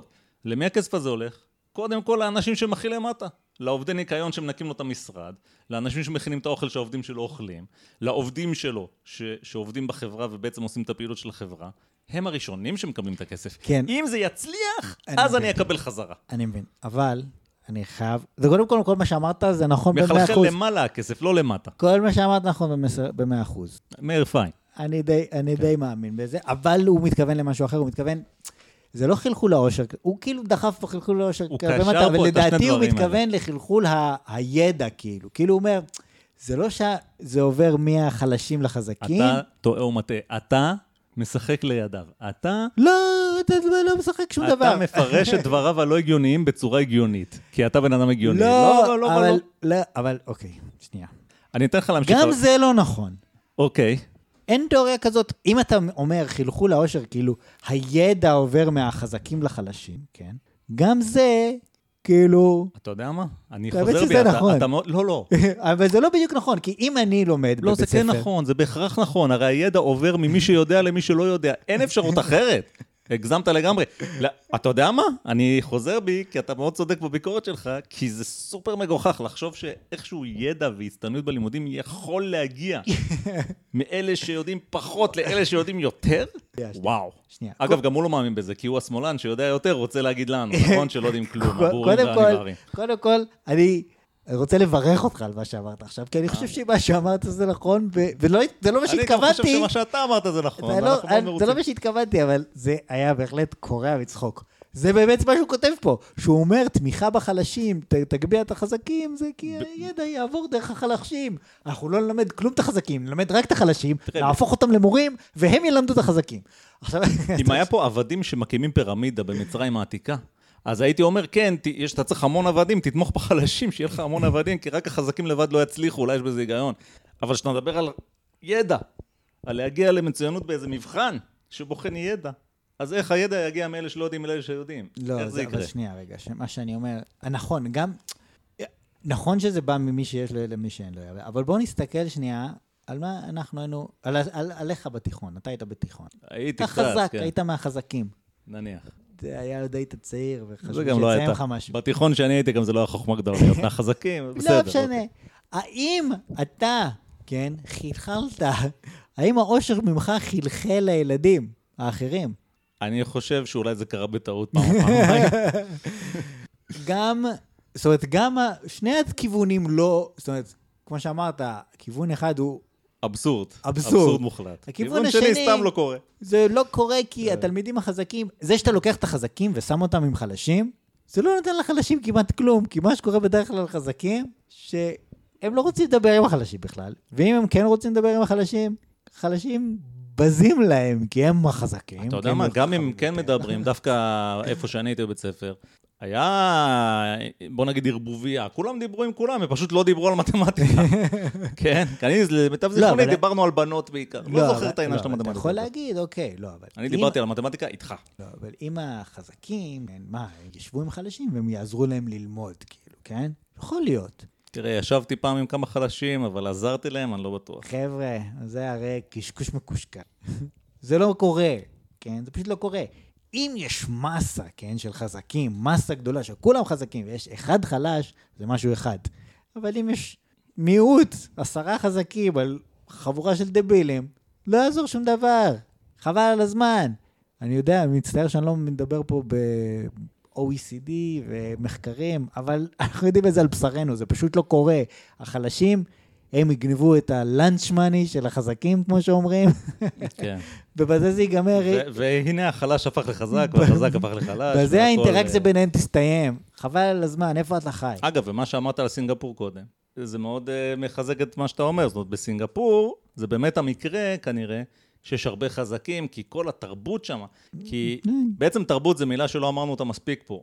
ההבדלים התרבותיים בין מדינה למדינה כל כך עצומים וכל כך קשה גם לדעת בדיוק מה האפקט שלהם, אבל אתה נתת את הדוגמה של סינגפור, ששם אנחנו מכירים, או שמענו שמועות, והתרבות שם לוחצת. ושם באמת יש כאילו זאת הרבה אומרת, אנחנו רואים חזקים את זה, המקומות הראשונים, זה סינגפור. זה דרום קוריאה, זה יפן, זה... לא, אבל זה- יש גם זה- טענה זה- של כאילו למה תרבותי, זה הם קורה. תרבותיים. אה, כי- כי הם תרבותי. בתרבות שלהם, זה לקרוע את ה... עכשיו, דבר נוסף, זה עניין פוליטי, זה לא קשור לחינוך, אבל הוא אמר, המדיניות הימין של חלחול העושר כלפי מטה, היא משפיעה על חיינו. זאת אומרת, יש ממשלות ימין, ויש להם רעיון עוועים, שבוא ניתן לעשירים כסף, והכסף יחלחל למטה. הוא אומר, אז, אז, אז הכלכלן דוקטור אורי כץ, אורי כץ, סליחה, שאנחנו מכירים ואוהבים בבלוג הזה, בפודקאסט הזה, הוא עשה גרף של מדיניות כלכלית. זאת אומרת, מה זה אחוז, כאילו, כמה אחוזים מהתקציב המדינה שמה בחינוך, בבריאות, בכל מיני דברים כאלה, לפי, ל- לאורך השנים, והוא הוא עשה דר, הוא, עשה, הוא, עשה, נתן אתגר לקוראים, בואו תגידו לי מתי התחלפו הממשלות. כן. בהסתכלות על הגרפים האלה. עכשיו, לא רק זה, גם יש לי, אני מכיר אישית אה, מישהי שהיא עובדת אה, בממשלה, יחסית בכירה במשרד האוצר, והיא אומרת, כן, טוב, מתחלף שר האוצר, המנגנון הוא כל כך גדול ומסובך ומפחיד, לשר האוצר אין מושג. באים, אומרים לו, תחתום על זה, זה בסדר, והוא אומר, אני חותם, כי מה הוא יודע, כן? לא אכפת לו כל כך. הוא אומר, אני מניח שהאנשים אצלי במשרד הם בסדר. מקסימום יש לו איזה כמה לא, יועצים. גם איזה ברירה יש לו. אם אתה מנהל איזה ארגון, כן? ואתה, ואתה לא, אין לך אמון לארגון שאתה מנהל, ואז, אז אתה בבעיה. לא, בסדר, אני אומר, מבחינת המדיניות, מי מכתיב את המדיניות? כן? אז בוא, בוא, בוא נודה על האמת, כן? ממשלות הימין לא עושות כזאת, כאילו, אין פה מדיניות ימין כל כך אה, בולטת, אלא אם כן אנחנו מדברים על שנות משבר. אם יש משבר כלכלי גדול, אז באמת משנים את המדיניות. כל עוד אין משבר כלכלי גד- גדול, המדיניות נשארת אותו דבר. זה כלל האצבע, אוקיי? אז מר אה, גרטל, דוקטור גרטל, כשאתה מדבר על דברים שברומו של עולם, בבקשה, לך ולפחות תדע מה, מה הם הנתונים, כן? כשאתה מדבר על מדיניות הימין של חלחול העושר. עכשיו, יותר מזה, אתה, בוא נגיד בינינו, כן? אתה מר גרטל, דוקטור גרטל, סליחה. שמאלן, כולנו יודעים. ולמי השמאלן מס, מ, מ, מסתכל? הוא לא מסתכל על רוסיה הקומוניסטית, הוא לא מסתכל על ונצואלה, הוא מסתכל על שוודיה. כן. נכון? מה קורה בשוודיה? או. המס הוא יחסית אחיד בשוודיה. זאת אומרת, העניים משלמים מס גבוה, המע"מ הוא גבוה, מס חברות הוא נמוך, אין שכר מינימום. זאת אומרת, ה... כן, העשירים משלמים יותר מס, אבל לא, המ... לא הרבה יותר מס. למה? כי גם הוא יודע, כי- סליחה, גם בשוודיה יודעים שהעושר מחלחל למטה. ולכן אנחנו לא רוצים להבריח את העשירים. או, או מחלחל אה, למעלה, כמו שאמרנו את זה קודם. מחלחל למעלה, מחלחל מ- למעלה. נבעט למטה ומחלחל למעלה. אז, אז כן. אוקיי, צא ולמד, זה מה שיש לי להגיד, אה, מר גרטל. כן, אוקיי. אז מה עוד יש לנו פה? נשאר לנו משהו מהמאמר הזה. אז אה, כן, כן, יש לנו פה, יש לנו פה. אוקיי, בואו בוא, זה בוא נעלה כן. קצת. אנחנו חוזרים למאמר של אה, מר גרטל. פתח ציטוט. קטונתי מלומר דבר לשופטי בית, בית המשפט העליון, אולם לעמדתם שיש ניגוד בין שוויון למצוינות, אין בסיס בממצאים העומדים לרשותנו. או, המחקר מוכיח את ההפך הגמור במעמדה של כלכלת ישראל, יותר כסף לא יניב הישגים. אם רוצים להגביר הישגים ומצוינות, יש להגדיל את משכורות המורים, להקפיד שכל תלמידינו השונים ילמדו יחד, ולשמור מכל משמר על ערך השוויון בחינוך, בין השאר על ידי ביטול תשלומי הורים. פחות תשלומי הורים, פירושם ציונים טובים יותר ומצטיינים רבים יותר. יפה מאוד. סיכומו של דבר, גרטל היקר הביא טענה ששוויון מביא למצוינות. את הטענה הזאת הוא ביסס על נתונים שגויים ועובדות מהעכוז. אני אגיד גם משהו אחר, סליחה בוא שאני... נשים לב, כל, כל, הוא אומר, כל תלמידינו השונים ילמדו יחד. כן. בוא, בוא באמת, בוא תשים את הערבי, החרדי והחילוני, שים ביחד באותה כיתה, ונראה מה יצא לך. בהצלחה, דוקטור גרטל. דבר אחרון, אה, בוא, אתה רוצה להגיד משהו אה. לפני הנושא הזה? כי זה נושא שאני אוהב והוא מעניין. אה, רק משהו קטן, אה, אני שוב קצת נטפל למילים. אה, איך אמר? פתח ציטוט לעמדתם שיש ניגוד בין השוויון למצוינות, אין בסיס בממצאים העומדים לרשותנו, סגור ציטוט. הממצאים העומדים לרשותנו זה השלושה נתונים שהוא בחר כאילו להציג לך, וגם זה לא שכנע אותנו. אז כאילו, סליחה, דוקטור גרטל, יש עוד כמה ממצאים בעולם. יש כל כך הרבה ממצאים שאפילו חלק מהם אנחנו ככה off the top of our head, מה שנקרא, כן? בלי שעשינו איזה מחקר מאוד גדול, אה, אנחנו מכירים.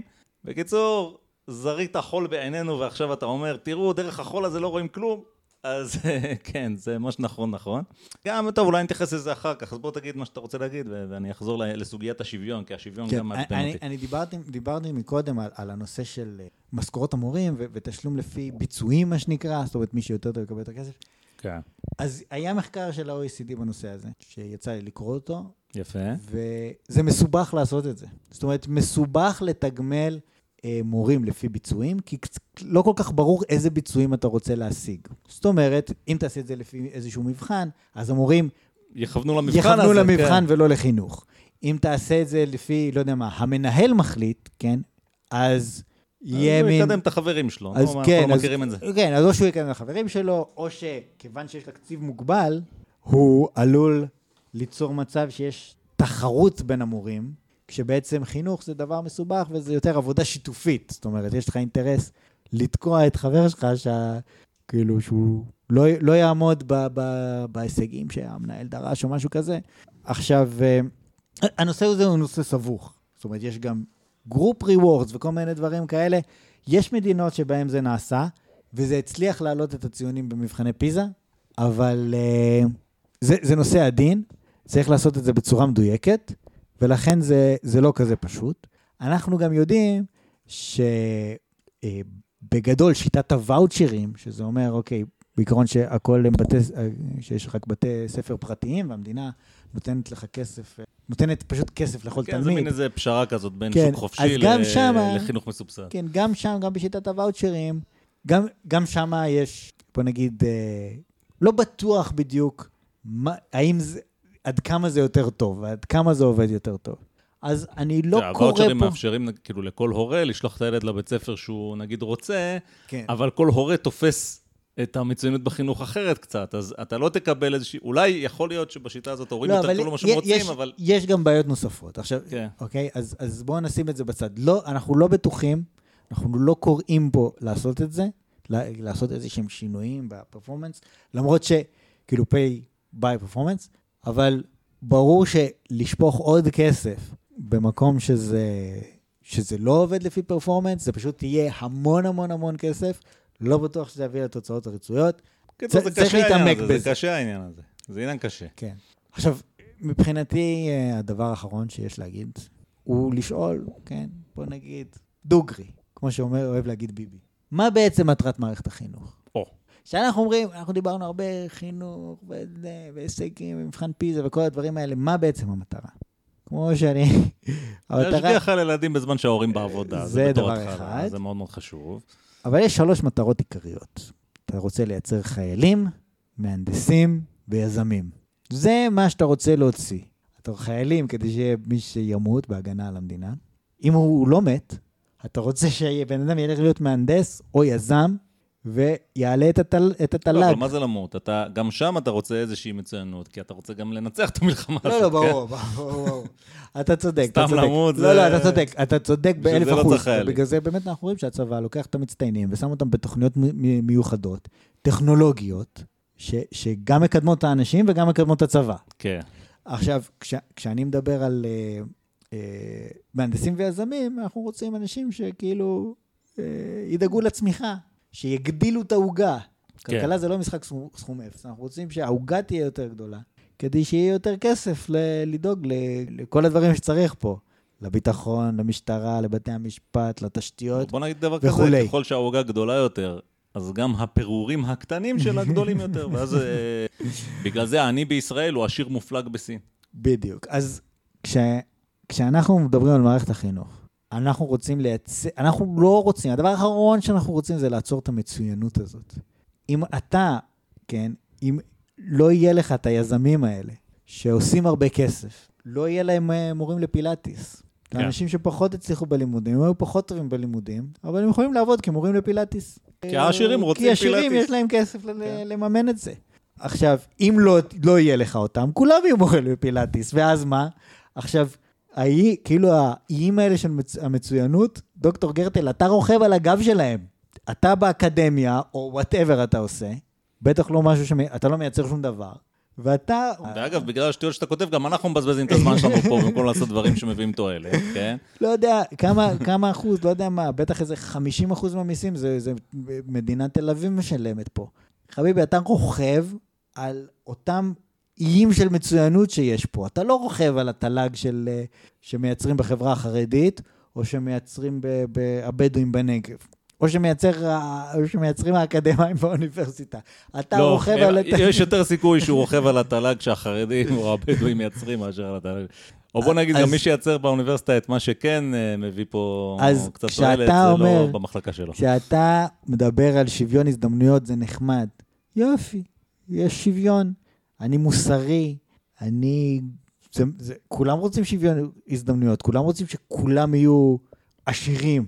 לא, אבל זה לא שוויון הזדמנויות. זה בדיוק העניין. לא, בסדר, נכון, שוויון בתוצאות, אבל כולם רוצים ש... גם אני רוצה שכל כל ילד במדינה יוכל להגיע, לא יהיה לו חסם כלכלי מלהגיע לכל דבר ש, שכל ילד אחר יכול להגיע. מצוין, כולנו מאמינים בזה, אין מי שלא. כן. אני פשוט טוען שבהנחה שבעולם אותו, כאילו, אנחנו לא חיים בעולם אוטופי, אי אפשר לעשות את זה. כן. לא במאה אחוז. אז למה אתה רוצה לפגוע באנשים האלה, ביזמים האלה, במהנדסים האלה שיהיו לנו? למה אתה רוצה לפגוע בהם? זה פוגע בכולם. טוב, זה כאילו שמאלני. זה כאילו שמאלני. הוא פשוט לא חושב מה שאתה חושב. אתה בשבילך, אתה יודע, אחרי שהגעת לגיל שהגעת והסתכלת קצת על העולם, הגעת למסקנה הזאת. אנחנו חוזרים לאותה נקודה כל פעם, אה, ההבנה של המגבלות. נחזור למה שהוא אמר קודם. הנה, תראו, במדינות שהתמ"ג לנפש הוא עצום, ההישגים בציון הזה בפיזה לא, לא משקפים את זה. והסברנו קודם שטוב, כי אתה יודע שיש גם ציון מקסימלי במבחן בפיזה. כאילו, אי אפשר, יש גבול לתועלת שאתה יכול להשיג מעוד ועוד ועוד מאמץ, מתישהו, כן? אני אתן שוב את הדוגמה של הריצת 100 מטר. יש את האדם, האיש המהיר בעולם, אני לא יודע, אתה תגיד לי את השיא. יוסיין בולט. יפה. כמה הוא רץ? 9.59 נדמה לי, או טוב, 8. אני מבטיח לך. 9.58. מבטיח לך שהשיא הזה בימי חיינו לא יגיע לשנייה אחת. בן אדם לא ירוץ 100 מטר בשנייה אחת. ומתאמצים מאוד, אני מניח, כדי לשפר ולשפר את ההישג הזה, כן? והבולט הזה, שופכים עליו הרים של כסף הרי כדי שהוא יתאמן יותר, יאכל יותר טוב, כל הדברים האלה. והנה, הוא לא מצליח לרדת מתחת ל... לא יודע, תשע טוב. שניות, כן? הוא כבר זקן עכשיו, אוקיי. לא משנה, הרי אתה מבין את הדוגמה שלי, כן? הנה, הוא גם כבר זקן. לא משנה כמה כסף שפכו, לא יכלו לעצור את זה שהוא מזדקן. יש גבול למה שאפשר להשיג, וזה לא קשור לכסף, זה קשור פשוט... הכסף הוא מנגנון בסופו של דבר מלאכותי שהאנושות המציאה כדי להסתדר בעולם, אבל לעולם יש את המגבלות שלו. וזה, אני חושב שזה זה מה שנקרא telling, זה מעיד, מעיד על משהו. שהוא אמר את הדבר הזה, שאני חוזר, זה אמת טריוויאלית, והוא אמר את זה כאילו זה שווה משהו, ו- וזה מעיד על זה ש... מה בעצם, למה אני לא אוהב שמאלנים? בעיקר בגלל הנושא הזה. כי הם יותר ויותר שמים דגש על מה אנחנו רוצים, והרבה הרבה פחות על מה בכלל אפשר. זאת אומרת, אנחנו רוצים שיהיה, אנחנו הרי עובדים בהייטק, חצי מהשיחות בסטארט-אפ, זה, אתה יודע, אם היה לי אינסוף משאבים ואינסוף כסף ואינסוף זמן, אז הייתי עושה ככה, אבל פה יש לנו מעט, אז אנחנו צריכים לייעל את זה. אבל ההמשך הלוגי של השיחה הזאת, זו שיחה מאוד נכונה, כן? ההמשך הלוגי הוא, אם היה לי אינסוף משאבים ואינסוף זמן, לא היה סטארט-אפ. כי הכל, היה לי הכל פשוט, לא הייתי צריך לעשות סטארט-אפ בשביל להשיג, אתה יודע, בשביל לשפר משהו, בשביל לייעל משהו. הסיבה היחידה שאנחנו בכלל טורחים, אתה יודע, שאנחנו צריכים ללכת להתפרנס, זה כי צריך ללכת להתפרנס. אבל אני אגיד לך, כל מה שאמרת הוא נכון, אבל פה שאנחנו מדברים על מערכת החינוך בדיוק, זה, יש לנו דוגמה ספציפית יותר של, של איך הלך החשיבה הזאת אה, מתקיים. זאת אומרת, בא, אמר, בא דוקטור גטל, הוא מסתכל על תלמיד בכיתה, תלמיד מסוים באיזושהי כיתה, והוא אומר, לא טוב לתלמיד הזה בבית ספר. הוא לא מסתדר עם החומר, הוא לא פה, הוא לא שם, הוא לא מספיק קיבל ציון בפיזה, לא יודע מה. זה, צריך לדאוג לו. כן. כשבא ושר החינוך מסתכל, הוא מבחינתו, כן? זה, יש לו איזה בלר כזה לגבי מי, מי, מי, הם, ה, מי הם אותם ילדים. הוא לא מעניין אותו, הילדים האלה שמתקשים. רע לך בבית ספר? משעמם לך בבית ספר? יופי! אני מעניין אותי איך, לה, כאילו, איך להצמיח אה, כמה שיותר מהנדסים ממי שיש פה. אתה סובל מללמוד מתמטיקה? זה לא בשבילך? אתה רוצה לרקוד? תרקוד. צא מהבית ספר, אני אתן את הכסף לילד אחר שטוב במתמטיקה. אני רוצה שכל מי שאיכשהו טוב במתמטיקה, אני רוצה להכריח אותו ללמוד מתמטיקה. אני רוצה לגרום למצב כזה שהוא לא ידע שום דבר אחר חוץ ממתמטיקה, כדי שהוא יהיה מהנדס. חס וחלילה. שאני אלמד אותו משהו אחר, והוא יהיה טוב בו, ואז הוא ירצה לעשות אותו גם. כן. זאת אומרת, כל החשיבה פה היא אחרת לגמרי. שר החינוך חושב על, על, על ביטחון, ועל צמיחה, ועל פריון. ו... אני מקווה שהוא חושב על הדברים האלה. כן, אתה יודע. בוא נגיד... אנחנו לא יודעים. כן, בוא נקווה. ועל כמובן להיבחר שוב, אבל מה שחושב עליו מר גרטל זה איך התלמיד המסכן לא ישתעמם בכיתה, ואוי ואבוי שהוא משתעמם, ולא מתייחסים אליו כבן אדם, ולא מתייחסים לזה וזה. אני לא אומר שזה לא חשוב, אבל אני אומר, אלה דברים שהם באחריות המנהל, באחריות המורה, לא באחריות השר. אתה יודע מה, אני אגיד לך משהו אחר.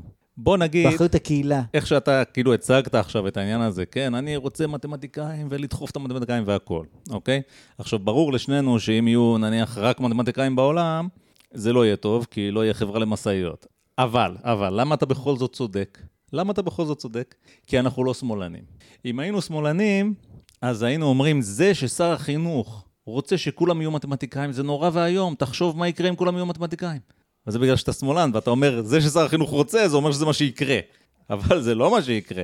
שר החינוך יפעיל את כל הכוח שיש לו ואת כל העוצמה הפוליטית שיש לו, ובוא נניח שהמערכת אפילו משתפת איתו פעולה, והוא לא צריך להילחם בפקידים ובמשרד שלו עצמו, בוא נניח שכל זה קורה. לא יצליח לו, לא כולם יהיו מתמטיקאים, אפילו לא חלק קטן מהאנשים יהיו מתמטיקאים. כי למה? כי ככה, כי זה קשה. אין הרבה אנשים שזה מדבר אליהם, שהם טובים בזה, ושגם באמת אוהבים את זה מספיק בשביל... אין הרבה אנשים כאלה, זה העובדות. ולכן, החשיבה הזאת של, שוב, מה אני רוצה לעומת מה בכלל אפשר, זה הסוגיה פה. הכל שם, צריך להפנות את המשאבים לכיוונים נכונים, ואז מה שנרצה יקרה. כן? זה מה שפחות או יותר מה שהוא אמר.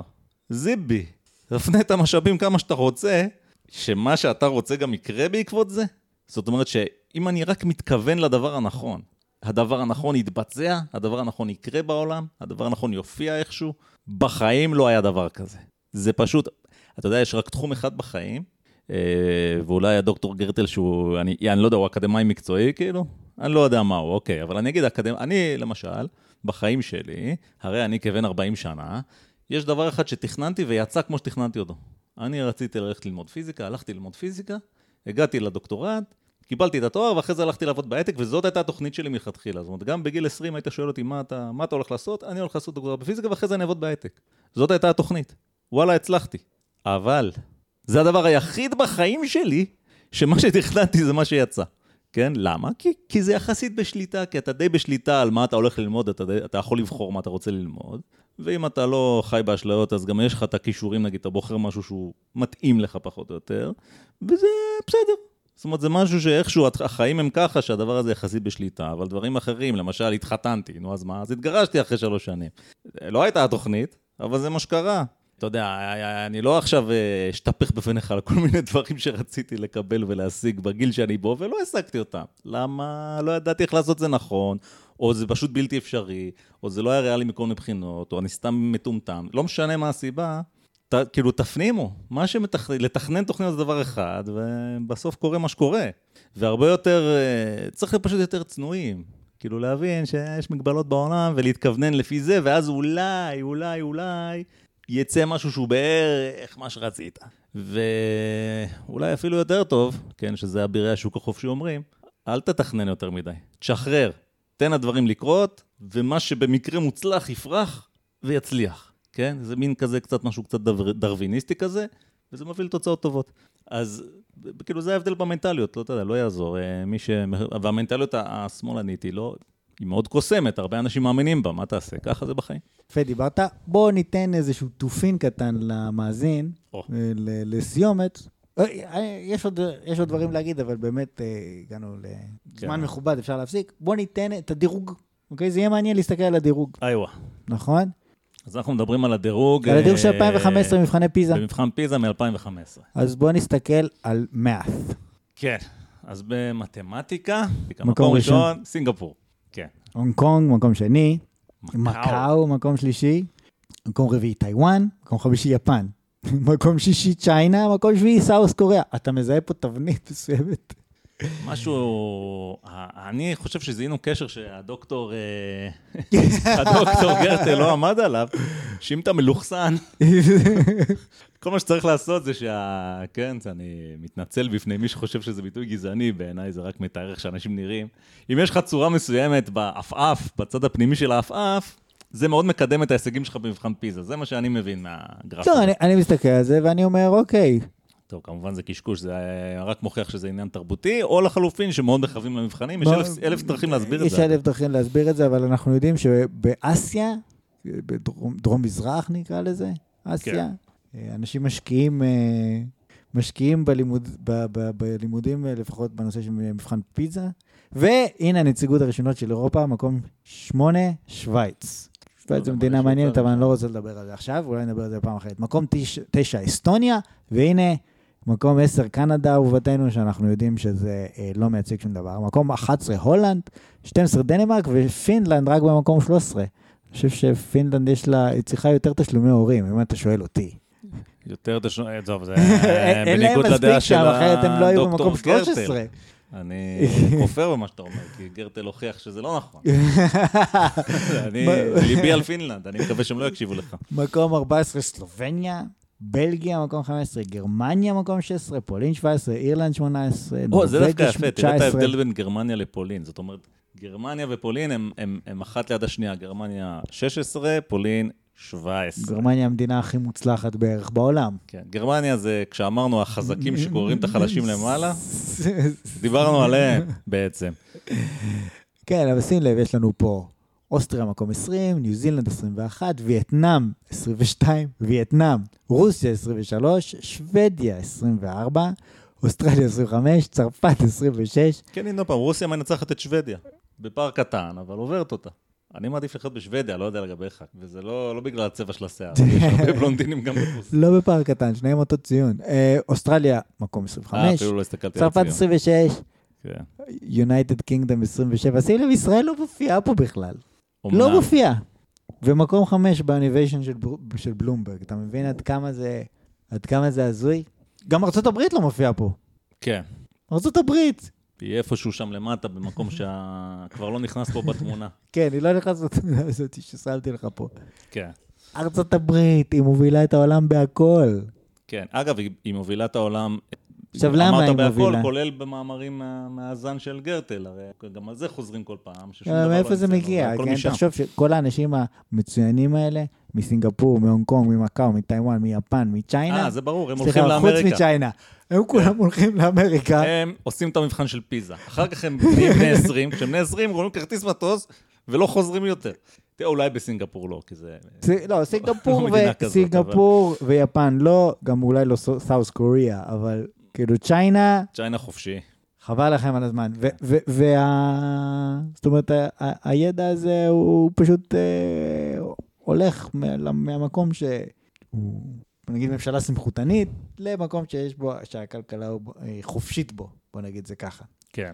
יוצא מזה, אגב, באופן אירוני, כאילו, אני אגיד עכשיו משהו שהוא לא באמת נכון, אה, כשאתה באמת חושב עליו, אבל ככה באופן אירוני, רק בשביל האירוניה, רק בשביל התופין. מה יוצא מזה? עדיף להיות הממשלה הפחות סמכותנית, שזורקת על אה, דוקטור גרטל, ובעצם הממשלות שהן יותר לרוחו, הם הפראיירים, שכאילו הם מצליחים, אבל אחר כך זה לגדל עץ בחצר של מישהו אחר, כן? לגדל עץ בחצר של מישהו אחר. כן, טוב, כן. אני לא באמת מאמין מה שאמרתי עכשיו, אבל כן. ככה רק בשביל לזרום עם... אה, טוב, יפה. מאוד, יפה מאוד. טוב, אז uh, תודה לכם שהאזנתם uh, לנו, ותודה לדוקטור גרטל שנתן לנו ככה מזון למחשבה. שיהיה לכם ערב טוב, בוקר טוב, או צהריים טובים, באיזו שעה שאתם מאזינים לפודקאסט הנפלא שלנו ברחבי הגלובוס. תעשו share, תעשו מנוי, ותעזרו לנו קצת, בחייאת רבאק.